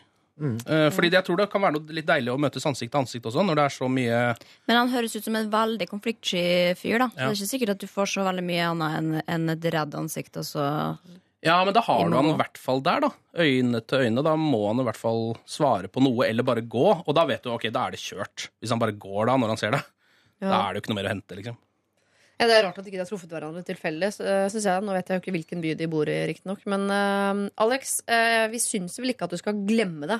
Han har skrevet en melding på uh, Snapchat og eh, har på en måte tatt kontakt. Og det syns vi du skal gripe fatt i. Så du skal prøve én siste gang med en litt annen tone enn du har prøvd tidligere. eh, hvor du nok en gang sier hva du ønsker, hva du vil. Og svarer ikke endre denne gangen, ja, da må du prøve å glemme det. Dette er Dette Er P3. Frank eh, Ocean eh, Swim Good. Og det var en måkeskrik på slutten av låta. Har du ikke hørt før? Hørte du det? Har det alltid vært der? Nei, det var ikke måke, det var terne. Det er veldig ornitologisk retta. Ja. ja. Auditivt, uh, ornitologisk. Eh, Terje Sporsem heter du jo eh, i virkeligheten. Ja. Hei, du prøver å lage radiomagi. Jeg sier Kristiansen. Jeg har jobba på radio 100 år. Noen ganger stokker det seg. Linnea Myhre, du er også rådgiver. Det er altså Ken Vasenius Nilsen. Og Ken, det er godt å ha deg her. Hvis det skulle skjære seg helt, så stepper du inn. ikke sant? Ja, Tar over. Ja. Kjære Lørdagsrådet. Vi skal eh, nå ta for oss et problem dere som er eh, Det er ikke prekært kanskje akkurat her og nå, men det er eh, et mulig stort problem i vennegjengen på sikt. Tusen takk for et deilig program. Vær så god. Eh, nå eh, har jeg følgende ting jeg vil dere skal reflektere litt rundt. Vi er tre, muligens fire vennepar som nå skal returnere til hjembyen etter å ha studert og jobbet i andre byer. Dette er fantastisk hyggelig, og vi gleder oss alle sammen. Utfordringen er imidlertid at vi alle ser etter bolig i samme nabolag, og vi har noenlunde lik stil og samme budsjett. Alle er på aktiv leting etter hus akkurat nå, og skulle helst ha funnet noe så fort som mulig, helst før sommeren. Det hele kompliseres av at det kommer ut veldig få hus i dette aktuelle området. Så hva gjør vi da når det dukker opp et hus som alle har lyst på? Byr vi uten å si noe til hverandre? Trekker vi lodd? Det er jo veldig kjipt å bidra til å dra opp prisen for hverandre, samtidig som det er kjedelig å ikke få sjansen til å sikre seg drømmeboligen. Hilsen hushummeren. Her har man jo endelig muligheten til å lage friends i virkeligheten. Eh, Så jeg ville jo kjøpt et hus sammen, eh, altså alle de tre-fire venneparene, og friendsa rundt der eh, de neste ti årene. Og som er utrolig gøy de første to månedene, og så ramler det inn med problem til Og det plutselig kommer barn og sånn inn i bildet. Ja. Eh, hvis det er en sånn gjeng, det er jo unikt i så, så måte, da, så må Det du bare virker gjøre jo det. faktisk litt som en sånn gjeng, hvis alle må absolutt bo ja, i det samme nabolaget. Jeg tipper det er en ganske liten by ja, hvor de har sett seg ut sånn Dette er sånn sted, rekkehus, hage, dette er her vi vil bygge og bo, eh, danne familie osv. Jeg tenker nok at, han- at man må være litt åpne og snakke med hverandre om det. For man vil jo, som du som hun sier, også unødig liksom gjøre at det skal bli dyrere for hverandre. Altså, all, jeg, jeg, det er ikke så lenge siden jeg har vært borti en ganske lignende situasjon. Jeg har akkurat flytta, sjøl. Eh, bodde i et fantastisk nabolag, og da var vi flere naboer som snakka om vi skulle ikke flytte litt i samme område. For det, det var så problemfritt, da. Mm. sant? Ungene løp inn til hverandre og sånn. Eh, Så ble det jo til Vi skulle jo Vi vurderte å kjøpe liksom en sånn tomannsbolig sammen med noen av de andre bo, naboene. Endte med å ikke gjøre det fordi vi den plassen var ikke helt oss, og vi flytta en annen, annen del. Men da snakka vi jo med ting. Fordi i, på, i mindre byer, da, som det høres ut som dette her, så er det jo mye tomter. Hva med å kjøpe ei tomt sammen, der man kan bygge fire boliger sånn, ikke sånn kjempelangt fra hverandre? Kanskje det er til og med flere? Altså man investerer kanskje litt grann mer? Ja. Og så kan alle få bygge det huset de vil. Og, og når de er fire stykker, da, Mm. så får de en ganske god pris med en entreprenør. Ja. De får en ganske god pris med om det er mesterhus eller hva, hva det er. Eh, Hei, vi, hei, vi, kommer, vi vi, kjøper fire ganske like hus, og det kommer til å det det er kanskje vinn-vinn for alle parter. Og det er ikke en arkitekt der ute som ikke vil kaste seg over utfordringen. Vi skal ha fire hus, de skal være ganske like, men vi vil helst måtte ha hver vår inngangsparti og ikke innsyn til hverandre. Ikke? Og ikke se inn til hverandre, men kunne gå inn Altså Den greia der Mm, kan en arkitekt falle pladask for, den utfordringa. garantert. Men det, i, i mine ører så høres det ganske dyrt ut, det også, da. Nei da. Å nei. Nei, faktisk å bygge nye hus er, kan være billigere. Altså vi- Visst litt avhengig av tomtepriser og sånn, Ja. og hvor det er hens. Altså er det på Nordstrand, så sliter du, men eh, Ja. Ja. Det er, veldig, veldig, det er et kjempegodt eh, råd, men hvis, de ikke, hvis det er for stort prosjekt for dem, at de er en sånn gjeng som ah, nei, bare flytter inn noe som vi slipper å male, Mm. aktig, ehm, så, øh, så er jeg litt på Linnea sitt forslag om at de må i hvert fall snakke sammen. Men det kommer jo til å oppstå noen konflikter her også hvis det er to-tre stykker som har lyst på nøyaktig det samme huset. mm. Og så vet man at han ene har litt bedre råd. Han har arva noe penger, han har litt større mulighet. Så han, hvis han vil ha det huset, så får han det huset. Så dette kan jo splitte opp en hel vennegjeng, antagelig. Men jeg tror nok at alle tenker sikkert den samme tanken, da. Eh, Ja. Men samtidig ja, vi har lyst på først, eller nå passer det for oss, og da må vi gjøre det. Men at alle har sin unnskyldning til hvorfor det skal være deres tur nå. Og da tenker jeg at, at noe så enkelt som liksom loddtrekning kan bare gjøre det hele rettferdig. Ja. Hvis man Ja. vil hverandre Eller hvis man også vil følge markedskreftene på en eller annen slags måte, sånn at ingen kommer liksom dårligere ut enn man egentlig hadde gjort, så kan du jo ta den gode gamle OK, hvor mye tjener dere til sammen? Og den som tjener mest, den går inn først, og så går det nedover. Eh, Hvis du skjønner, Siden Ja, den personen som tjener mest, uansett eh, til slutt hadde sittet med den leiligheten, hvis det hadde vært en reell budkrig, på en måte, Ja. så går det an å lage en eh, slags eh, fiktiv budkrig som de har laget allerede. De er jo et mareritt for husselgere i dette området nå, da, for da er de en gjeng på åtte, liksom, som Mm. eh, avtaler å ikke by over hverandre. Så det kommer jo til å bli Det er eh, kjempebra, det. Ja, men det er jo kjipt for de som skal selge, men det er jo ikke de som De sendte har jeg ingen sympati med lenger. Nei, da lar vi de ligge. Men i hvert fall snakke sammen om eh, Fordi det er vel det er vel ikke sånn at man kan uh, lure seg unna heller, for jeg tror budrundene nå De er vel åpne. Det står Nei. vel du, Nei, Man vet ikke hvem man byr mot. etterpå, i protokollen, så får du, får du vite det. Altså, ja, man får vite det på et eller annet tidspunkt, ja. Ja, ikke sant? Og, og da er man håndfri. Og bare shit, var det dere? Å, hadde vist visst det. Og da er du jo håndfri, ikke sant? Ja. Så, um, Ja, så det, um, unngå det. Uh, og da vil man jo kanskje ikke bo i samme område lenger heller, hvis man plutselig ser ut at, Eller ser at det har vært liksom uærlighet, da.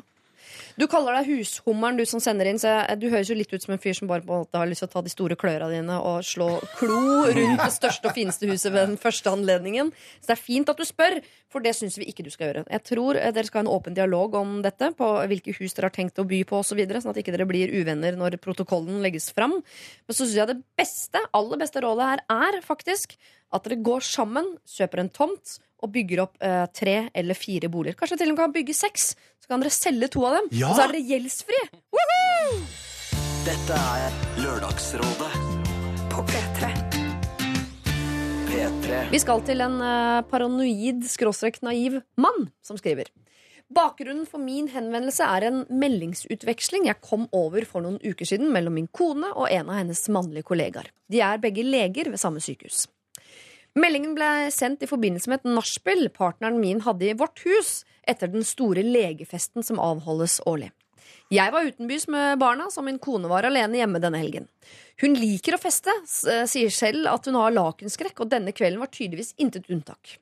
Via en felles PC vi har, kom jeg nemlig over følgende iMessage-utvekling. Hun 0515. Morsomt med nach, så ikke det komme. Snakkes senere. Håper ikke du er for stressa. Jeg er digg og veldig lugn. Han. Bra, jeg er ok. Stikker innom i løpet av dagen. Hun. Du er veldig digg og hyggelig. Ny, nyt fri. Her må det gjøres en jobb eh, før jeg skal eh, videre til neste fest. Jeg ble såpass satt ut av disse meldingene at jeg sjekket samtaleloggen hennes fra denne kvelden. Det ga følgende resultat. I perioden mellom 0404 og 0507 ble det foretatt åtte oppringningsforsøk mellom min kone og hennes kollega. To av disse ble gjennomført med en varighet på rundt ca. et minutt. Min kone skriver altså til sin yngre kollega at han er digg. Hun håper også klokken 05.15 etter nachspiel hjemme hos seg selv at han ikke er for stressa. Jeg uroer meg for om min kone og hennes kollega har noe mer på gang enn det et godt forhold mellom kollegaer. Har jeg grunn til det? Hilsen paranoid, skråstrek naiv mann. Hmm. Ja. Ja, jeg også eh, steller meg i den eh, ringen hvor det står ja på gulvet. Bare den der meldinga med 'håper du ikke får stressa', det, det tyder på hva, hva ellers skulle det vært, liksom? Ja, det jeg nemlig prøvde å ta noe rundt på, Hva kan det være? Det kan være at han gruer seg til et eller annet som de har snakket om. At han skal på en date eh, som er viktig for han, og han gruer seg. Eller han skal eh, fjerne en blindtarm eh, på en eller annen og gruer seg. Og at hun da skriver 'jeg håper ikke du er for stressa'. Eller at han hadde, altså Det her er jo veldig seint på kvelden. Ja. Midt på natta er det. Eh, Så det kan jo også være at han har driti seg ut på den store legefesten eh, overfor kollegene sine. Altså Det er mye som kan ha skjedd her, da. Bare for å liksom Men også digg, liksom. Hvem er det som beskriver kollegaene sine som digg? Ja, det var akkurat det ordet. Var Ja, men Hun skriver også 'jeg er digg' og veldig lung, som er en utrolig rar setning. Så Det høres litt ut som det har vært en eller annen intersjargong der. At noen har sagt noe feil på et tidspunkt, så ordet 'digg' bare blir brukt. At det, at det har blitt en sånn saying innenfor en veldig liten legegjeng. Altså, ak akkurat, akkurat nå, sanne problemstillinger, sitter det i denne her Jensen Cappelen-saken. og Hva betyr det egentlig? Hva betyr Sola digg? skinner. Sola skinner, hva er digg? Men uh, uh, Jeg syns det er spesielt at ikke hun sletter meldingene også, da, hvis hun har noe å, å være redd for. det er faren med iMessage som eh, oh, ja, har du erfaringer med det? Eh, ja, ok, nå skal jeg være personlig her. Vi, jeg har jo vi har, jeg, altså, jeg har hatt en, eh, en lignende eh, sak der jeg kom over noe. Eh, og så eh, konf, var jeg, jeg var veldig i tvil, liksom. Ja. Jeg er ikke en sånn fyr som blir liksom far veldig opp liksom irritert. Og så, men så konfronterte jeg på det tidspunktet altså bare konfronterte det eh, Hva er det som skjer her, liksom? Em, så enten Enten må du finne ut hva du skal gjøre, eller så må vi steppe it up, liksom, der vi er. Og så Så jeg, så jeg liksom sa at jeg, jeg vet hva som foregår, da. Og så um, Eller jeg, har- jeg har en feeling av hva som foregår. Ja. For du hadde kommet over noen iMessage-meldinger? Ja, altså, ja, eller ja fordi, øh, og da um, Det funka bra, altså. altså øh, for- for veldig ofte så er det dette Hvis man går og så tenker man eh, sant? Så da gjør man det. Og digg betyr ok, de har, de har hatt sex, og de har gjort ditt. Sant? Man, man lager seg sånne bilder i hodet. Hvis du allerede nå bare sier jeg har altså dessverre kommet over disse her, Mm. konfrontere henne med det, si at jeg aner ugla i mosen, hva gjør vi med det, liksom? I Ja. stedet for å for, for går du og grunner, går du og tenker på det, så blir du jo gæren. Liksom. Ja, For det verste som kan skje, er at hun sier åh, ja, vi, øh, vi har gjort ting vi ikke burde gjøre. Jeg er forelsket i han, eller jeg har et forhold. Det beste som kan skje, er at hun øh, ler og sier sånn å, herregud, stressa. Han skulle fjerne en blindtarm, og jeg er digg av bare en sånn greie som alle sa. Ikke sant? Det kan være ingenting, men det Mm. finner man jo ikke ut av med mindre man tar den konfrontasjonen. Og så må man være bevisst på at når han tar den konfrontasjonen, så blir hun antageligvis sur for at han har lest meldingen hennes. Ja, ja, ja. For sånn reagerer mennesker. Jo. Dessverre. Jeg mener at det ikke er lov, Men men, man det gjør kan jo bare gå sakte fram og si du, jeg har kommet over noe jeg kanskje ikke skulle ha sett, eh, Ja. men uten vilje. Eh, og derfra liksom Hvis hun da ikke skjønner noe av det på en måte, Noen kan jo legge seg flat med en gang, men hvis du da trenger eksempel, så kan man jo da trekke det fram. Eh, og Og det er jo en felles PC hvor han har kommet over en iMessage-utveksling. Den er ikke like liksom vond som at han har gått inn på mobilen Nei, hans og sjekka og sånn. Ja, men Han går inn på samtaleloggen etterpå, ikke sant? så han har, han har jo gjort en effort for å få tak i den nå. Ja. Sant? jo, men det er jo fordi at han fatter mistanke i utgangspunktet. Det ville jo hvem som helst gjort. Du har ikke tenkt sånn, å, jeg har ikke sett dette her, jeg skal ikke tenke mer på det. Da, da, er, du, da er du virkelig naiv. Det som jeg synes er liksom, Hvis jeg skal prøve å tolke hva som har skjedd her, da, som man jo gjør nå, eh, så um, ville jeg jo vært litt uh, Syns jeg var litt fint at det kom opp et sånn derre uh, Nach, det så jeg ikke komme. For jeg tenker sånn Hvis de har liksom ligget ligge med hverandre, så vet jeg ikke om det er det som hadde vært meldinga. Uh, altså Det hadde vært mer sånn takk for i går-aktig melding. Og så, for det, her er det liksom, De har ringt hverandre. Det er Mm. åpenbart sånne korte samtaler som er sånn OK, hvor er du, hvor er nachspielet? Virker det som, da. Og så har de møttes på det nachspielet, og så sender de meldinger når de har dratt derfra igjen. Og så har de kanskje tyssa, da. Ja, det kan hende. litt, sånne ting. Og så, Ja. åh, du er Ja. så fin, altså, du er så digg. Nå ser jeg det som den andre kollegaen. Nå er ikke du, nå er ikke du bare legekompisen min, liksom. Ja. Nå er du han herlige fyren. Ja. Han digger. Ja. Ja, da- Ja. Jo, jeg men synes det høres ut som han enten har gjort et eller annet veldig rart på den festen, eller at han har pissa på seg, eller pissa i et skap, for han har vært så full, eller, sånt, eller at han skal gjøre noe som han gruer seg til. For hun sier 'jeg håper ikke du er for stressa'. Hun sier ingenting om at hun er stressa selv, og så kald fisk er hun ikke. Jeg er digg og veldig lugn. Den skjønner jeg ingenting av. er Jo, men det betyr jo akkurat det at, at uh, Altså, digg kan jo ikke uh, analysere, men lugn altså, Det betyr jo rolig, ikke stressa. Mm. Så det er jo hennes måte å si på. Jeg er i hvert fall ikke stressa. Ja, men Da kan du mene at jeg er ikke stressa på dine vegne. Det der kommer du til å fikse. Du er en veldig digg og hyggelig fyr. Dette kommer du til Men å nå er jo vi litt naive hvis vi skal prøve å si at dette er sikkert ikke noe. Det, det syns ikke han fortjener. Jeg syns at han skal gå opp til henne på en, en sånn rolig måte og, og legge det fram sånn som han føler det. Ja. Altså, det beste i mine øyne er en mann som er litt småsjalu, og som bare er interessert i å holde på kjæresten sin. Ja. Um, og ikke bare tenke 'yes, dette er sikkert ingenting', for da, da går det til helvete. Da kommer kona til å være sjalu, nei, være utro, fordi at han ikke bryr seg uansett. Men det er bare eh, deilig å ha med seg i bagasjen at, uh, at antageligvis så har det ikke skjedd noen ting. Jeg tipper ja, Grunnen til at han ikke har konfrontert henne allerede, er jo fordi han er redd for hva hun skal si. Men da kan vi jo bare eh, herfra eh, underskrive på at dette kan bety veldig mye. Veldig mye annet enn at det har skjedd noe som ikke skulle ha skjedd mellom de. Så det her er det bare én ting å gjøre, kjære paranoide og naive mann. Du er nødt til å konfrontere din kone med det du har sett. Vi skal uh, treffe en som heter Asgeir, som skriver inn til Siri og hjelperne. Og det er jo dere, da. Linnea Myhre, Terje Sporsem og Ken Vasenius Nilsen. Jeg er en kar på 24 år med stor interesse for Nintendo-konsoller og tilhørende spill. Dette er noe jeg har drevet med hele livet. Jeg ble presentert for dette uh, universet ved at jeg som barn satt gjerne i flere timer mens jeg kikket på min mor spille Super Nintendo. Denne konsollen, samt alle andre Nintendo-konsoller eh, som fins å oppdrive, har jeg klart å samle sammen opp igjennom. Jeg har nylig fått en sønn sammen med min forlovede. Så over til problemet. Jeg har et sterkt ønske om å bringe min interesse for Nintendo over til min sønn, noe min forlovede syns er svært unødvendig. Vi har hatt et par diskusjoner hvor hun mener at jeg burde vokse opp og ikke tvinge gamle spill på min sønn. Jeg derimot mener at spill er en flott form for underholdning og historie. Jeg har virkelig et ønske om å få uh, den samme tiden med min sønn som jeg hadde med min mor. Hva mener dere? PS. Det er ikke snakk om noen form for spillavhengighet. Jeg drar kun frem konsollen innimellom. Takk for svar, Asgeir. Ja, jeg er jo gamer selv, Ja. ehm, og er jo veldig glad i det. Og synes også det er sånn enig i at det er en litt sånn undervurdert form for historiefortelling også. eh, Og for avkobling, ikke minst. Mm. Um, men jeg, og, så jeg er litt irritert på at det, at eh, det å spille har det der ryktet der. Eh, Ja. Og så føler jeg også, uten at jeg har altfor mye bevis å slenge i bordet, at det veldig ofte kommer fra den kvinnelige delen av befolkningen. Mm. At det er liksom de som sitter og irriterer seg over menn som uh, sitter og spiller. Um, fordi man man forbinder det med barn, da. Ja. Med barndom, tror jeg. Og med barnslighet.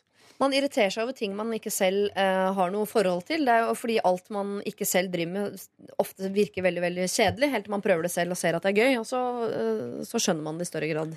Ja, ja. Og Så så- egentlig burde han jo fått uh, kona, eller forloveden, til å, å spille Nintendo først. Det er jo ikke nødvendigvis sånn heller, hvis du, tenker, hvis du sammenligner med fotball. da Ja. Jeg har jo prøvd å bli interessert i det, men jeg har ikke funnet noe interesse. Så det er jo ikke sånn at du, hvis du prøver, så er det gøy. Altså, jeg har prøvd å spille masse dataspill også, men jeg syns ikke det er interessant. interessant. det er nok. Ja. Ja, altså Man er bare rett og slett forskjellige. Og, Mm. Men jeg, jeg tror det handler mye om respekt også. Hvis det betyr så mye for han, så syns jo at, at, det, at det i hvert fall bør være lov å spille en gang innimellom. Men at man kanskje heller innfører regler da eh, for hvor mye og den slags type ting. Og ikke nødvendigvis bare Det er helt strengt forbudt. Altså, jeg, jeg trodde liksom i, i tida post eh, Prebz og Dennis at altså, det å faktisk kunne spille og bli millionærer, liksom, og noob, eh, hva er det, Noobworks Ja, Newburk, ja. Ja, ikke sant? Altså, de tjener jo Jeg vet ikke hvor mye Helt sinnssyke summer på å være god å spille. Eh, og dette er jo det Det er jo folk Supersmarte folk, folk som er med å bygge dataprogram og, og lager liksom den verden vi har. Det. Så denne her gamle denne her, ikke spill spill, for da blir, blir du et lite sosialt menneske. Sånn. Jeg trodde, trodde vi var ferdig med det. liksom. Ja. Og det interessante her er jo at hvis han har alle Nintendo-konsoller, alle spill Altså, det har jo en helt sinnssyk verdi etter hvert. Mm. ja, ja. Så han sitter jo på ei gullgruve her i, i tillegg. Nå er det sunnmøringen som våkner. Du må selge det! Ja, ja, ja. Nei, men Så dere noe der, altså den første iPoden? Eh, Den er, den er litt sånn stor, en sånn U2 edition. Ja. Ble solgt for flere millioner kroner per hvis du har den. liksom, Den funka. Åh, plutselig skal det lønne seg å være hoarder. Det var, Ja. Den så vi ikke komme. Nei, den så ikke vi komme. Men jeg er veldig enig i det poenget ditt, Ken, som handler om at- at det har sånn ufortjent dårlig rykte. Og det kan man jo si om alt sånn. eh, man vil veldig gjerne at folk skal sitte og lese bok i eh, ti timer i strekk, men se på TV ti timer i strekk. Det skal vi ikke gjøre. Men det tenker jeg sånn henger sammen sånn, For det er nytt. Og jeg sier ikke at TV er nytt, altså, men det var det på et eller annet tidspunkt. Nytt, og da er det fine. At alltid det gamle er bedre. Sånn, teater er liksom mer høykulturelt enn kino. så. At det alltid er sånn. Og det tror jeg eh, spill også lider under. At man tenker at Mm. spill nei, det, det er ikke liksom fornuftig bruk av tid. Eh, og jeg er enig, Du skal ikke sitte liksom 18 timer i døgnet, men det skal du ikke med noe som helst. Det er ingenting du skal gjøre 18 timer i døgnet. Så jeg syns at Asgeir skal slå et ganske hardt slag for Nintendo. Men det hjelper jo ikke Asgeir at vi er enig i det. Det er jo forloveden som skal bli enig i det. Og hvordan skal han få overbevist henne om at barnet også skal spille Nintendo? Her tror jeg han skal spille litt mer på dette med forholdet han hadde til sin mor. eh, Noe han vil gi videre til sin sønn. Ja. Altså, um... Det går også an å spille inn at det faktisk kan være altså Veldig mange spill er jo basert på historiske hendelser. Ja. Eh, Så veldig mye jeg ikke kunne noe om, f.eks. for eksempel tempelriddere, kan jeg nå veldig mye om. På grunn av Assassin's Creed-spill, liksom. Eh, Så det er et eller annet eh, lærerikt der òg, som ofte jeg tror faller litt bort, fordi man bare tenker at det er barnslig glede og bortkasta tid. da. Ja, men kan, det fins ikke masse sånn lærespill også, da? Jeg vet ikke hvor gammelt det barnet var. i Men, eh, men det er jo mye du kan lære å telle og skrive og alt mulig, som, som brettspill, liksom. Ja. Eh, man kan jo begynne der, og så trenger du ikke å bli eh, spille CS, liksom, og, og drepe eh, 24 timer i døgnet, men eh, en mellomting, da. Og så kan kona komme med kompromiss om at vi skal også lese bøker, eller vi skal også ha, drive med sport. Altså at man liksom prøver å og også finne andre ting som også glede, eh, barnet kan gledes over og synes er gøy. Da, sånn at det ikke bare liksom, spill er det eneste han har lyst på. Han har nylig fått en sønn, så er uansett en, eh, en liten stund til. Men jeg tenker at sånn eh, Du er pappaen, hun er mammaen, så hun må få lov til å, å påvirke med sine ting. Du må få påvirke med dine ting. Trenger ikke å bli enig. Og på et eller annet tidspunkt så får dette barnet en personlighet. Mm. Og selv kommer til å velge om han er mest interessert i å spille Nintendo eller plukkes opp. Ikke sant? Men da må dere få lov til å, å prøve å inspirere eller gi, gi innflytelse til barnet så mye dere vil, og så vil barnet på et eller annet tidspunkt ta et valg selv, vil jeg tro. da Og jeg tror En god inngangsport kan jo være å spille sånn sosiale spill, sånn buzz og sånn. Uh, hvor man sitter hele familien Ja, og spiller ja, ja. quiz. Ja. Fordi da kan jo også mamma være med, og så kan det hende også se litt, uh, litt av hva som er det gode ved spill. Eh, når man sitter der sammen og koser seg. Singstar og sånn. Ja. Singstar, ja. ja, jeg tror det er rockband og bare dundrer på her. Altså. Ja. Asgeir, vi støtter deg i dette her. Altså, du må få overbevist kona di om at selvfølgelig skal også deres uh, barn få lov til å spille Nintendo. Alt med måte, men barnet skal jo få lov til å få uh, arveting av deg i forhold til interesser, men også av mor. Og deg, ja, det er Nintendo, det.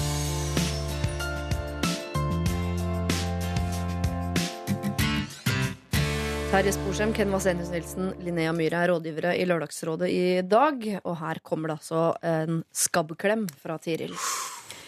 Hei. Jeg har den siste måneden data en fyr. Har altså bare rukket å møte han tre-fire ganger og føler ikke at jeg kjenner han spesielt godt. Vi har det moro sammen, men vil ikke si at det har oppstått noen følelser enda. I løpet av den siste uka har jeg opplevd en intens klø ut av en annen verden. Vi snakker våkne om natta med blodige kløprikker både her og der. Jeg sendte en snap til flere venninner en kveld da det var på sitt verste. Fikk svar fra en venninne eh, som jeg sov hos for et par måneder siden, og hun kjente seg igjen i dette. Eh, og jeg fikk vite at hun hadde hatt skabb dagen etter. Nå har jeg vært hos eh, legen, jeg også, fått skrevet ut klødempende medisiner og skabbkrem. Jeg har brukt de siste dagene på å smøre det som er av hud på denne kroppen, vaske alt som vaskes kan, og fylle fryseren med kjoler og bh-er. Men det er ikke dette som er det store problemet. Alt jeg tenker på er hvordan jeg i huleste skal fortelle en fyr jeg nesten ikke kjenner, at det sannsynligvis kryper dyr under huden hans, og at disse dyrene er tidligere gjester fra mine tær. Vi har som nevnt ikke kommet så langt i datingprosessen, og jeg vet ikke om det kommer til å bli noe ut av det i det hele tatt. Noe som leder til spørsmålet er det et alternativ å ikke møte han mer, og ikke si noe om skabben, og bare la han klø til han finner ut av det selv? Dersom jeg skal møte han mer, er jeg jo nødt til å si ifra, eh, for ikke å eventuelt bli smittet tilbake. Kjære Lørdagsrådet, jeg trenger deres hjelp. Skabbklem fra Tiril. For det kan ikke komme fra han. Nei, det virker som hun har eh, det fått det fra, nei, at hun har fått det fra denne venninnen som hun har sovet over hos. Riktig. Nå er jeg med. Ja, så, så er det sånn veggdyraktig, eller? Det, er, det kan, eh, for, for, å, for å si det med en gang, eh, jeg har hatt det. Ja. Eh, og fått det fra eh, reise. Så jeg har tydeligvis eh, ligget på et litt lugubert hotell, og så fått det med meg videre derfra. Mm. Eh, og det er ganske kjipt. Eh, Klør det over hele kroppen? Liksom? ja, det, det, klør, det, det klør når du får varme mot kroppen, mot kroppen. Så når du legger det i senga, og du liksom går opp i temperatur, eh, temperatur og begynner det å klø. Eller hvis du trener og sånn, da blir det ekstra ille. Um, men det er jo rett å bli kvitt det, så hun er jo på vei til å bli kvitt det, hun også. Men jeg tror ikke nødvendigvis trenger å smitte hvis du liksom har ligget i senga til noen andre. Så er det ikke 100 sikkert at det blir utslag, og at det liksom bare gror masse dyr der, da. Nei. Så jeg tror ikke jeg ville liksom sagt det før jeg vet at det var tilfellet. Og da ja, Unnskyld meg, jeg hadde ikke tatt på meg skylda, altså. Jeg hadde ikke sagt at det, eh, dette kommer fra meg, for det er litt turn off, det ikke det? Jo, det er jo grunnen til at ordet skabbete har oppstått. Det er jo ikke forbundet med liksom freshness eh, på noe som helst eh, måte. jeg, Men jeg nevner det bare for å få ned tabuet, da. Så Ja, ja. det er bare det, er det jeg driver med. det er så deilig å velge seg sånne Ja, kampsaker. men det, Tabu det er lenge siden. Altså, Ja, lenge siden jeg er ferdig med det. Okay, jeg, jeg har også hatt skabb. Jeg har, Har tre, jeg har tre, men vi får ned tabuet, jeg også. Ja, ja, ja, Har Jeg du- har, har jeg har skabb nå, jeg. Ja. Eh, her jeg sitter. Men jeg syns jo kanskje at altså, ordet skabb eh, er jo i seg selv Det er jo lettere å si til noen du, jeg har klamydia, fordi det har et finere ord enn jeg har skabb. En, det høres ut som det verste i hele verden. Ja, det virker som noe mye verre enn det er. Eh, men det er jo bare at man klør, liksom. Det, det er jo ikke sånn at du kryper jo ikke dyr på det som du ser. Eh, man har jo alle bakterier, liksom, så det er jo like ekkelt som det. Ja. Men eh, ja, det har litt sånn ufortjent stygge, stygge assosiasjoner. Men skal hun si noe til denne fyren? hun er på? Det virker jo ikke sånn De har datet, de har truffet hverandre tre-fire ganger, men det har ikke oppstått noen følelser ennå. Så jeg skjønner at det er litt tidlig å, å bringe skabb på bordet.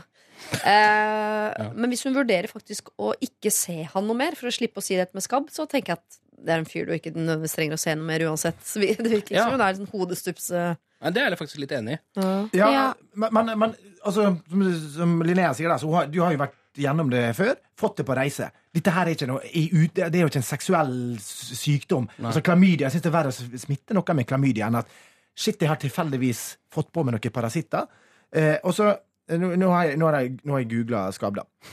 Og, jeg, og det å si liksom I stedet for å si er skabb', så kan du si du, jeg, har fått- jeg har fått en, eh, en slags uh, midd som kalles sarkoptes skabiel. Som Ordet skabb var der òg.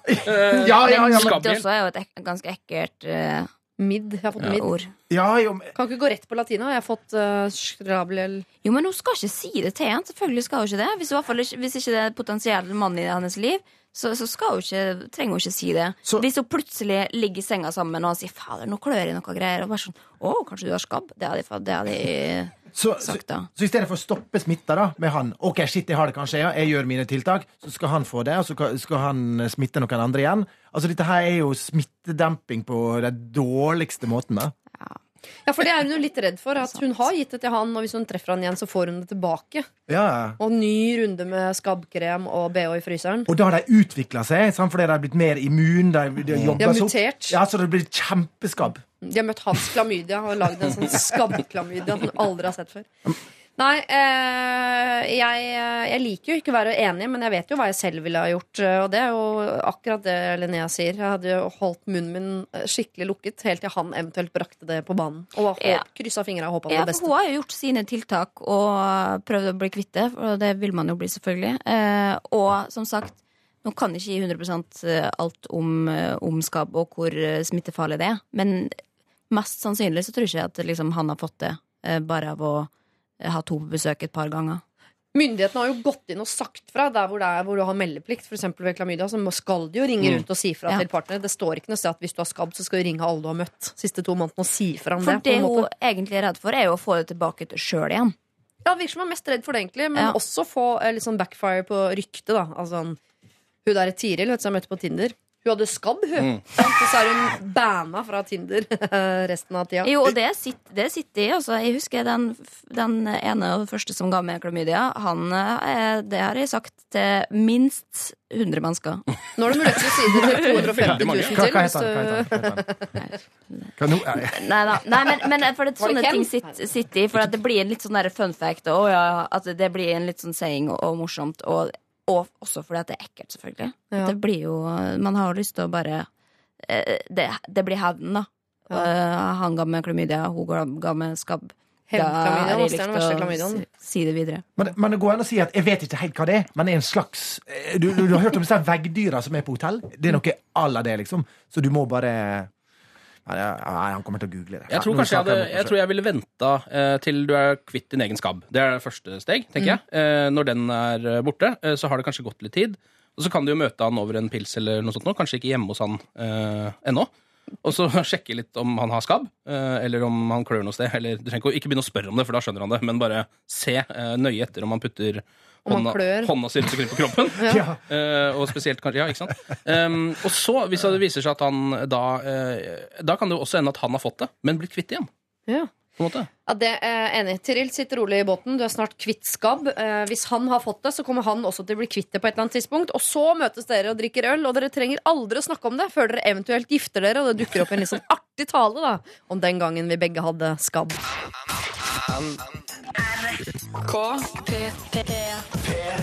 Hei! Jeg har blitt invitert til en heidundrende reunionfest for gjengen jeg gikk sammen med på videregående. Men jeg trenger råd fra dere om jeg skal gå på festen eller stå over. Problemet er at min ungdomskjæreste sannsynligvis kommer dit. Kall han Muffe. Muffe var min eh, første store kjærlighet, og vi var kjærester fra vi var 16 til vi var 20. Da det ble slutt, siden vi skulle bo langt fra hverandre i flere år framover. De neste fem årene møttes vi kanskje ja, fem ganger, og alle gangene endte vi i senga. Siden den fysiske tiltrekningen mellom oss er veldig, veldig sterk. Ingen av oss hadde kjæreste de gangene vi har møttes. De siste 15 åra har vi ikke hatt kontakt, vi bor ikke engang i nærheten av hverandre. Så for noen år siden giftet jeg meg med en fantastisk mann som jeg elsker. Vi har to flotte barn, og jeg er lykkelig. Muffe vil nok allikevel alltid ha en plass i hjertet mitt, og dukker iblant opp i tankene mine. Jeg har aldri følt den samme fysiske tiltrekningen for en mann som den jeg følte for Muffe. Derfor er jeg skeptisk til å gå på reunionfest. Jeg er redd for at hvis jeg møter Muffe igjen, så vil jeg glemme mann og barn og kaste meg over han. Men på den annen side så kan det jo hende at hvis jeg møter Muffe igjen, så kanskje jeg ikke føler den tiltrekningen lenger, og kan eh, minimere plassen han har i mitt hjerte. Hva skal jeg gjøre? Hilsen Myra. Ja.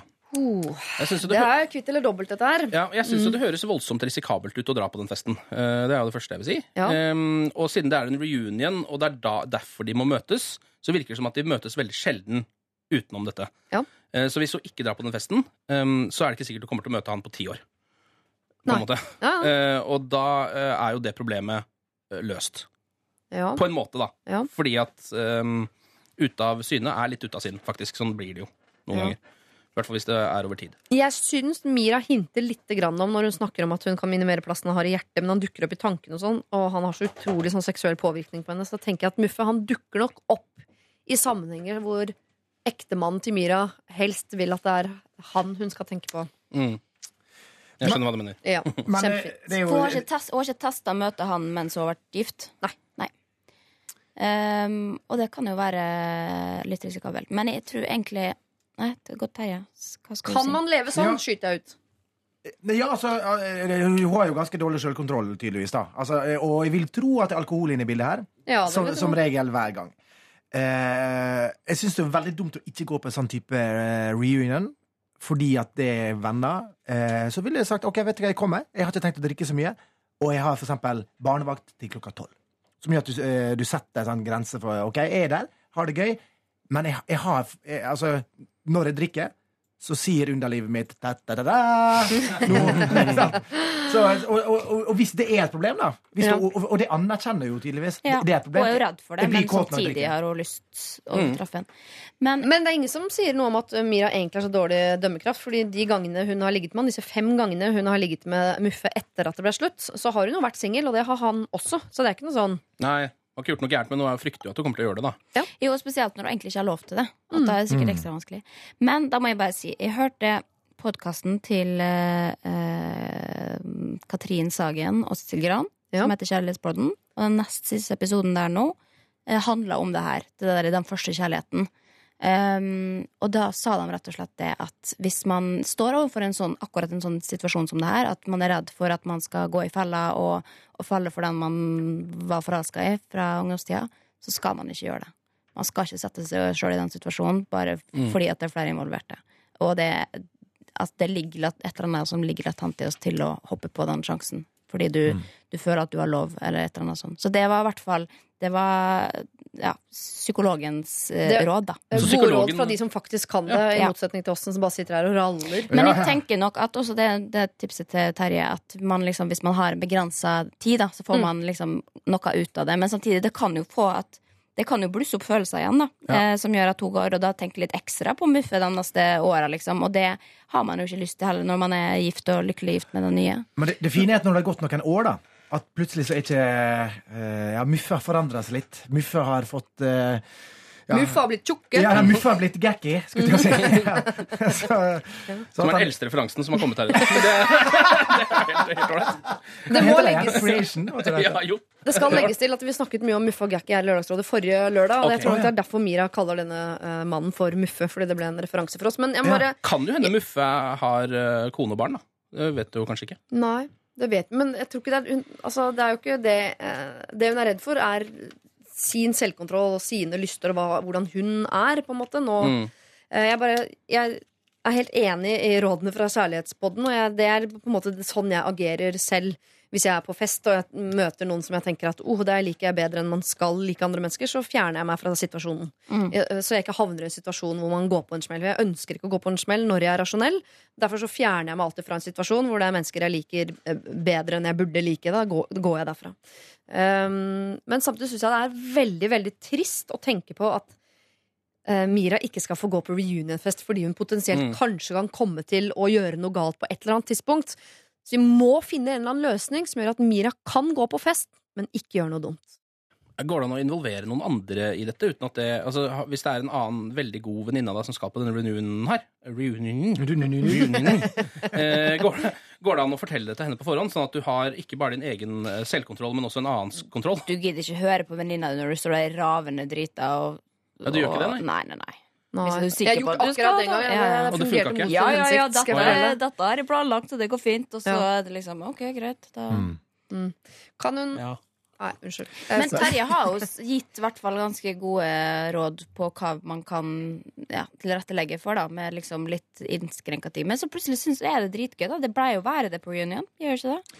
Man- Jo, jo det, det gjør jo ofte det. Sånn, man blir sittende og prate. Så det er jo tida- kjipt å bare kunne dra dit i så og så mange timer også. Ja, men det virker jo som at det, altså folk har jo kontakt. Eh, Altså Folk er jo på Facebook, og er jo sikker på man møter jo hverandre. Og det er hyggelig å være der liksom, der i starten. Men hvis, det, hvis det faktisk er et såpass stort problem for henne, liksom, så er det jo også en litt sånn test for seg sjøl.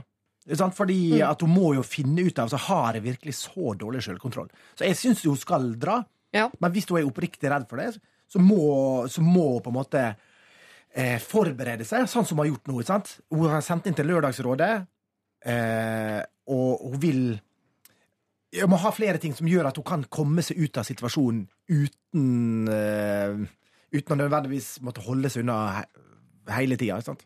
Som for Kan dra hjem hun skaffe seg klamydia, skabb og sørge for å ha menstruasjon på denne festen? Kan hun ikke skaffe, seg en sånn kyskhetslås? Uh, låse igjen og Jo, legge men- nøkkelen hjemme? Men bare et kyss er jo egentlig for mye, da. Uh, så jeg tenker jo at, at uh, Ja, og jeg syns hun gjør seg sjøl vondt da, hvis hun er så redd for Jeg kjenner meg veldig igjen i dette. At man liksom Jeg har jo gått og tenkt at uh, den forstiva forelska jeg kommer aldri til å glemme han, liksom. Eh, og eh, og det har jeg tenkt at derfor kommer jeg aldri til å ha med en ordentlig kjæreste. For at det kommer bare til Hvis han skulle lese, liksom, sende en melding, så kommer jeg til å slippe alt jeg har i hendene.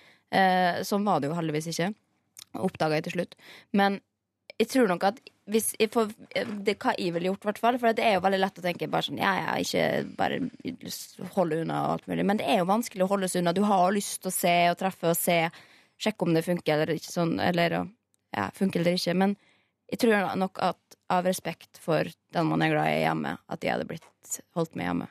Men for det hadde jo vært deilig også, som hun eh, sier her, at eh, hun kan få han helt ut. Hun møter han og bare Å ja, er det det der jeg har gått rundt og glorifisert i mange år? Han jeg har gift meg, er jo så mye bedre!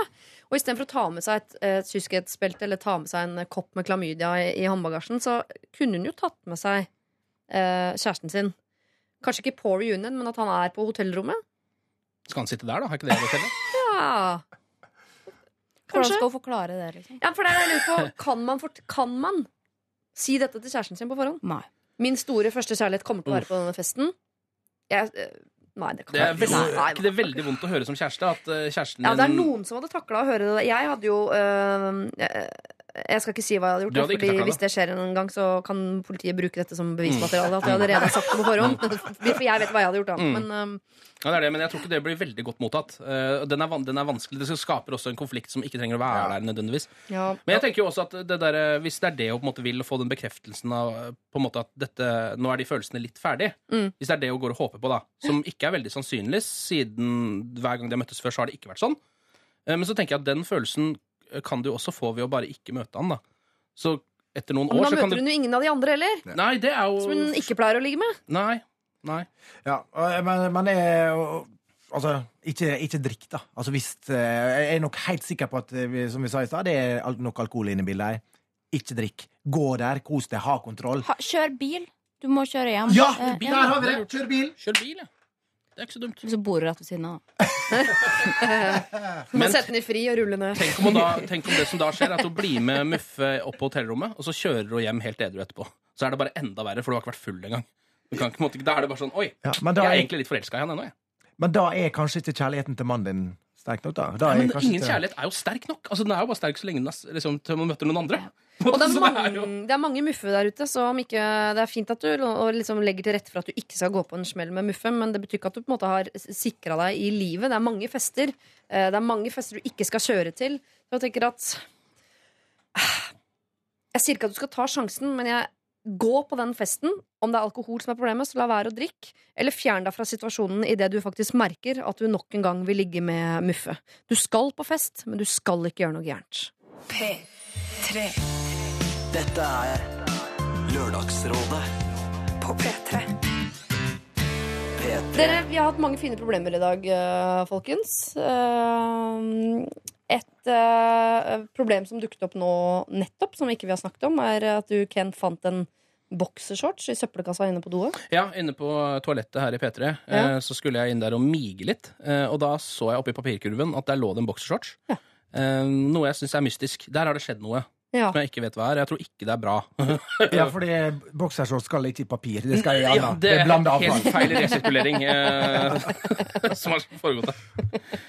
Um, Ja, det finner vi ikke ut av eh, hvem det er sin, og hvorfor osv. Men vi Nei. kan bare kose oss med bildene på hvem det er sin, og, og hva som har skjedd der inne. Ja. Jeg håper jo at det er mer i sånn um, sexretning enn sånn bæsjepose-retning. Kan jeg bare høre umiddelbar teori? Kan du tro det? Eh, jeg tror noen har gått inn der Noen har driti på seg, faktisk. Det er min umiddelbare teori. Eh, gått Ja. inn der, tatt av bokseren, putta den oppi der. Eh, og da har gått bokseløs Vil du ikke da liksom putte den litt nedi, så ikke du ser det? Den var veldig dårlig skjult. Jeg ville skjult mine spor mye bedre enn det. Ja. Hvis det samme hadde skjedd med meg um, Det har faktisk skjedd én gang at jeg har tatt av meg boksershortsen og kasta den i et, eh, en papirkurv, men det var på Oslo S. Men hva var, hva var det som hadde skjedd med den da? Eh, da hadde jeg rett og slett pissa litt på meg. Ok, Det var det Glem at de spurte. ja. Takk, For det gjør ikke alle, liksom? Eller hva? Ja. Jeg har pissa litt på meg. Jeg sitte sittet på toget litt lenge. Det var ikke toalett der. Ja. Takk for meg. Det mysteriet finner vi ikke ut av, men det er et fint bilde å ta med seg videre ut i- i dagen. Og til dere kollegaer her i P3 som eventuelt måtte sitte og høre på Lørdagsrådet, kan jo glede dere til mandag. For hvis det er uh, bæsjtrusan, så kommer det til å være så god lukt der inne på mandag. Så det er bare å glede seg. Nå skal vi dele ut en kopp. Eh, de som har muligheten til å få denne koppen i dag, er Tina. Eh, som uh, i begynnelsen av sitt vennskap med Theo oppførte seg som en annen enn hun var. Rett og slett fordi hun var forelsket i han. Nå er hun ikke det lenger. Hun klarer ikke å slutte å oppføre seg som en forelska jente. Hun klarer altså ikke å være seg selv rundt denne Theo. Vi ba vel uh, Tina om å ta med seg Theo på fest sammen med masse andre mennesker, hvor hun var vant til å vise sitt virkelige jeg. uh, og, og gjøre det på den måten. Og hvis han da spør hvorfor er det så annerledes, så stå fram med sin tidligere forelskelse. Eline hadde kjøpt en eh, kjole. Plutselig var det to andre på kontoret som hadde kjøpt lik. Eh, Det liker hun ikke. Hun var først ute og ville ha den alene. Eh, Det er for seint, så neste gang så må du ikke si hvor du har kjøpt kjolen. Og i dette tilfellet så må du enten sy den om, eller bruke den bare på fest. Alex han hadde en flørt som etter hvert bare ble en venn. Som etter hvert bare forsvant. Og så dukket han plutselig opp igjen. Og Alex var usikker på om han skal jeg nå prøve å få kontakt med denne mannen igjen, eller skal jeg bare la det ligge nok en gang. Du skal prøve én siste gang. Vivian har blitt frastjålet eh, veska si. Eh, kort har blitt brukt. Eh, hun har mistet en, et minnebrikke med noen ting som er verdifullt for henne. Og nå har hun funnet ut hvem tyven er, for denne tyven har brukt kortet på et hotell da hun prøvde å sjekke inn. Skal hun konfrontere denne tyven? Eh, ja, det skal du! på så mange måter skal du selvfølgelig det. Og så har vi hushummeren, da, som snart skal flytte hjem til sin hjemby eh, sammen med kjæresten og tre andre vennepar. Og de vet at de jakter på hus i samme område. Skal de snakke sammen på forhånd, så ikke de havner i budkrig? Eh, nei, det skal dere ikke. Dere skal kjøpe tomt og bygge eh, åtte hus og bli gjeldsfri. Her er sunnmøringen som har trumfa igjen noen gode råd. Eh, så har vi en paranoid eller naiv mann som fant en utveksling på konas eh, Messenger som han ble usikker på. Og det ble vi også. Han sendte signaler i veldig, veldig mange retninger. Og der er det god gamle konfrontasjon som gjelder. Asgeir lurer på om han har vår velsignelse til å gjøre sitt barn eh, eh, ikke spillegal. Det har du ikke, men kan barnet få lov til å bli glad i Nintendo slik han selv er, og som han ble glad i fordi moren hans var det? Kan han videreføre denne arven? Ja, det skal du selvfølgelig! Og hvordan skal du få overbevist kona di om at eh, det er sånn det er? Det kom, fikk vi ikke noe godt svar på, egentlig. Hvordan han skulle overbevise henne om det, annet enn at uh, du kan be henne høre på Lørdagsrådet og høre at her er det fire til som er helt enig med deg. Og hvis ikke hun blir enig med deg, så får du bare claime din rett, som er 50% av den ungen og 50% av den tiden, og så kjører du på med Nintendo i dine 50% Tiril skabber seg, altså hun har fått skabb. Må hun fortelle det til han hun er på dealeren med? Nei. Syns ikke det? Terje syns det, men vi andre syns ikke det. Eh, og så er det Mira til slutt her som er usikker på om hun skal dra på reunion når hun vet at hun kommer til å treffe the love of her life. Eller i hvert fall the shag of her life. Ja, som, eh, som en forkjemper for gamingens rykte, så har jeg jo lyst til å gi koppen til Asgeir, kjenner jeg. Mm. Um, men så har jeg også veldig mye sympati med han paranaive eh, fyren Mm. som lurer på om dama hans har vært utro. Um, som jeg kanskje syns var liksom den, den tøff, det tøffeste problemet vi fikk inn i dag. Det er de to jeg også har liksom sett meg ut. Den, uh, men det blir mest kanskje en sånn påminnelse da, til kjæresten til Og den Nintendo-historien der. Uh, med påminnelse til kjæresten om at jo, jo, vi skal få lov å spille litt, og, og at, at bare fordi du er uenig, så kan vi kanskje prøve å spille litt likevel. Men også til han snille, gode mann som eh, er bekymra for om kona driver og er utro. Og det syns jeg at sånne menn er så bra, som er bekymra for, eller har lyst til å beholde, da, og fikse opp i, og, men ikke liksom slår hardt ned og mm. driver med psykisk terror. Eh, at eh, de skal få litt honnør for det. Hva tenker du, Tari? Ja, altså, jeg har litt sånn forkjærlighet for, for Mira, jeg. Ehm, fordi hun trenger tydeligvis noen grenser. Og, og her kan vi for, kanskje en gangs skyld tenke at den fysiske koppen her kan være en påminnelse om at jeg må holde stien min. Så hun kan ta med seg den i sekken og bare si 'hell den rødvinen i den koppen fra Lørdagsrådet her'. Så der, der, Hun skulle ikke drikke. Jo, Hell litt. kaffe Ja, ja, ja. Eh, Men OK, men kaffe, da. Hun kan drikke kaffe. Og så eh, hun, Her kan vi faktisk gi henne en fysisk ting som kan være en påminnelse om at Husk hva du har hjemme. Du skal Mira. få slippe å overbevise dine medrådgivere, for hun skal få en kopp uansett. For det der tror jeg er viktig at hun tar med seg kopp på reunion, går på reunion og bruker, bruker den koppen til noe fornuftig. Men du må få legge tunga di på vektskåla i forhold til om det i tillegg da er paranoid naiv eh, som skal få eh, kopp, eller eh, Asgeir spillegal. Jeg er enig med Linnea. Ja. Jeg var, ville ha begge dem to. Paranoid naiv, så var det hun har. Ja, han altså snill, snill mann som Ja, konfrontere. Jeg kan hive meg på den, altså. Ja. Kjærligheten. Kjærligheten skal få seire, rett og slett. Eh, kjære all... Nei, nå, har jeg helt, lov- nå mista jeg det helt. Altså, paranoid naiv. Han eh, hadde ikke noe navn, han. Du skal få en eh, kopp, eh, og så skal du konfrontere kjæresten din med det du har eh, funnet, rett og slett. Og så skal i tillegg også da Mira, som skal på reunion, også få en, en kopp, for at hun skal bli minnet om nettopp at hun ikke skal ligge med Muffe. Er det ikke sånn det blir, da? Jo, jeg mener fortsatt at du ikke bør dra på reunion. Eh, Så Ja, jeg legger inn det på slutten her. eh, Bare syns lite ikke hun skal få kopp. Eller hun skal få kopp hvis hun ikke drar på reunion. Ja. Eller hvis hun ikke ligger med en, skal hun få kopp. Så send Mm. oppdatering, og så får du koppen din, da. Hvis du Hvis hun Hvis drar på reunion, kommer tilbake Mm. uten å ha gjort noe tull, så Ja. får hun en kopp. ja, det er Er det bedre enn å gi kopp på forhånd for at hun ja, For da kommer du til å snakke med Muffe om den koppen sånn Se, jeg sendte inn til Lørdagsrådet. Jeg har vært så jævlig godt på det i så mange år nå. Jeg bare har fått en kappe Ikke ligge med deg. øh, Plutselig der var det ligging på uh, dansegulvet-aktig. Eh, For da lurer jeg på om kanskje Muffe står litt høyere enn den koppen. Ja. Hvis Men hun eh, sant, bare drikker nok. så egentlig valget er snopp eller kopp? Ah, sorry.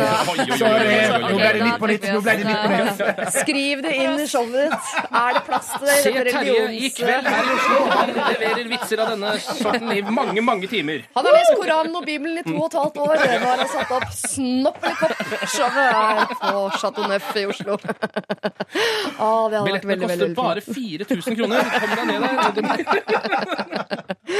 Nei, Da landa vi vel på det at du får en kopp, kjære Mira, hvis du går på reunion og du ikke finner på noe tull. Da skal du få en uh, kopp. Dette er Dette er P3. Hva skal nå? Radioen er på den. Si noe. Nå snakker du til 350 000 mennesker, Jesper. Hva vil du si? Hva skal bli det første folk husker deg for? Jo. Ja. Si noe, da. Si noe lurt. Eller noe morsomt. Nei. Eller noe sykt. Har du ingenting sykt å fortelle? Ja. Si hva du vil, da. Hæ? Noi? Kom igjen da, Jesper. Du kan si hva du vil i hele verden, så sier du noin. Kan Tenk. jeg si hva jeg vil? Ja. Jeg er ikke Da kommer det vel noe stygt, tenker jeg. Vær så god. Faen! Ah, Siri. Hvorfor? mitt barn. Et av mine barn. OK. Hvorfor faen? Hvorfor faen? Det var jo det spennende prosjektet, da, Siri. Nå Ja. kommer Signe Ja. også. Du har med kidsa på jobb i dag. Nå Ja. kommer NK. Hallasmann. Nå kommer NK. Og du sier noe, Signe, til det norske folk. Ja, nå kommer du på radio. Eh, Jeg bare sier fra til deg som hører på nå. Hun kommer til å skrike. Signe Bjørstedt! Men mamma, vi kommer ikke på radio nå. Nei da. Ma! Det er greit. Da får jeg si Du da. Du heter Bæsj, Ja, Jesper. der er vi det bæsj med. Der er vi i gang, ja. Der er vi i gang. Vi har flyttet til skravling for skravling til skravling etter skravling. Ja. Er ikke radioen på? Jo, den er på den. Så vi, kommer vi rundt Er det noe du vil spørre meg om i dag, eh, Jonas? Ja, eh, Hva tenker du når de, når de banner? Barna? Ja. Det er en del av språket, da. Ja. Nå skal vi lære alt. Skal ikke bare lære den fine delen av språket. Skal lære Ja, alt. det er sant, det er sant. Kommer vi på Og så er jeg radioen ikke så glad i at de bruker det, men at de kan det, syns jeg bare er en del av utviklinga. Radioen? Ja, en eller annen gang. Men Signe og Jesper, banner mamma noen gang hjemme? Ja. Tenkte du at jeg ville ha ljugd hvis du spurte meg om Nei, det? det var så gøy å høre dem si det. Er det flere F-ord enn faen? Jeg banner ganske mye, så mye at mannen min eller kjæresten eh, sier at jeg må slutte. Men banner ikke luktføre? Syng. Mm, ja, han er mer sånn som eh, hvis han får en uh, spiker i tåa-aktig. Ikke sånn, Han har ikke som en del av sin dagligtale. Grunnen til at vi har flyttet dette på slutten, er for at jeg tenker at det er bare nerdefansen som vil ha dette. Og i dag er det Akkurat dette tror jeg ingen vil ha. For dette vil ikke jeg ha engang, og det er mine. dine barn. Si ha det, Signe og Si. Jesper. Ha det, Jesper. Faen. Ha det, Jan!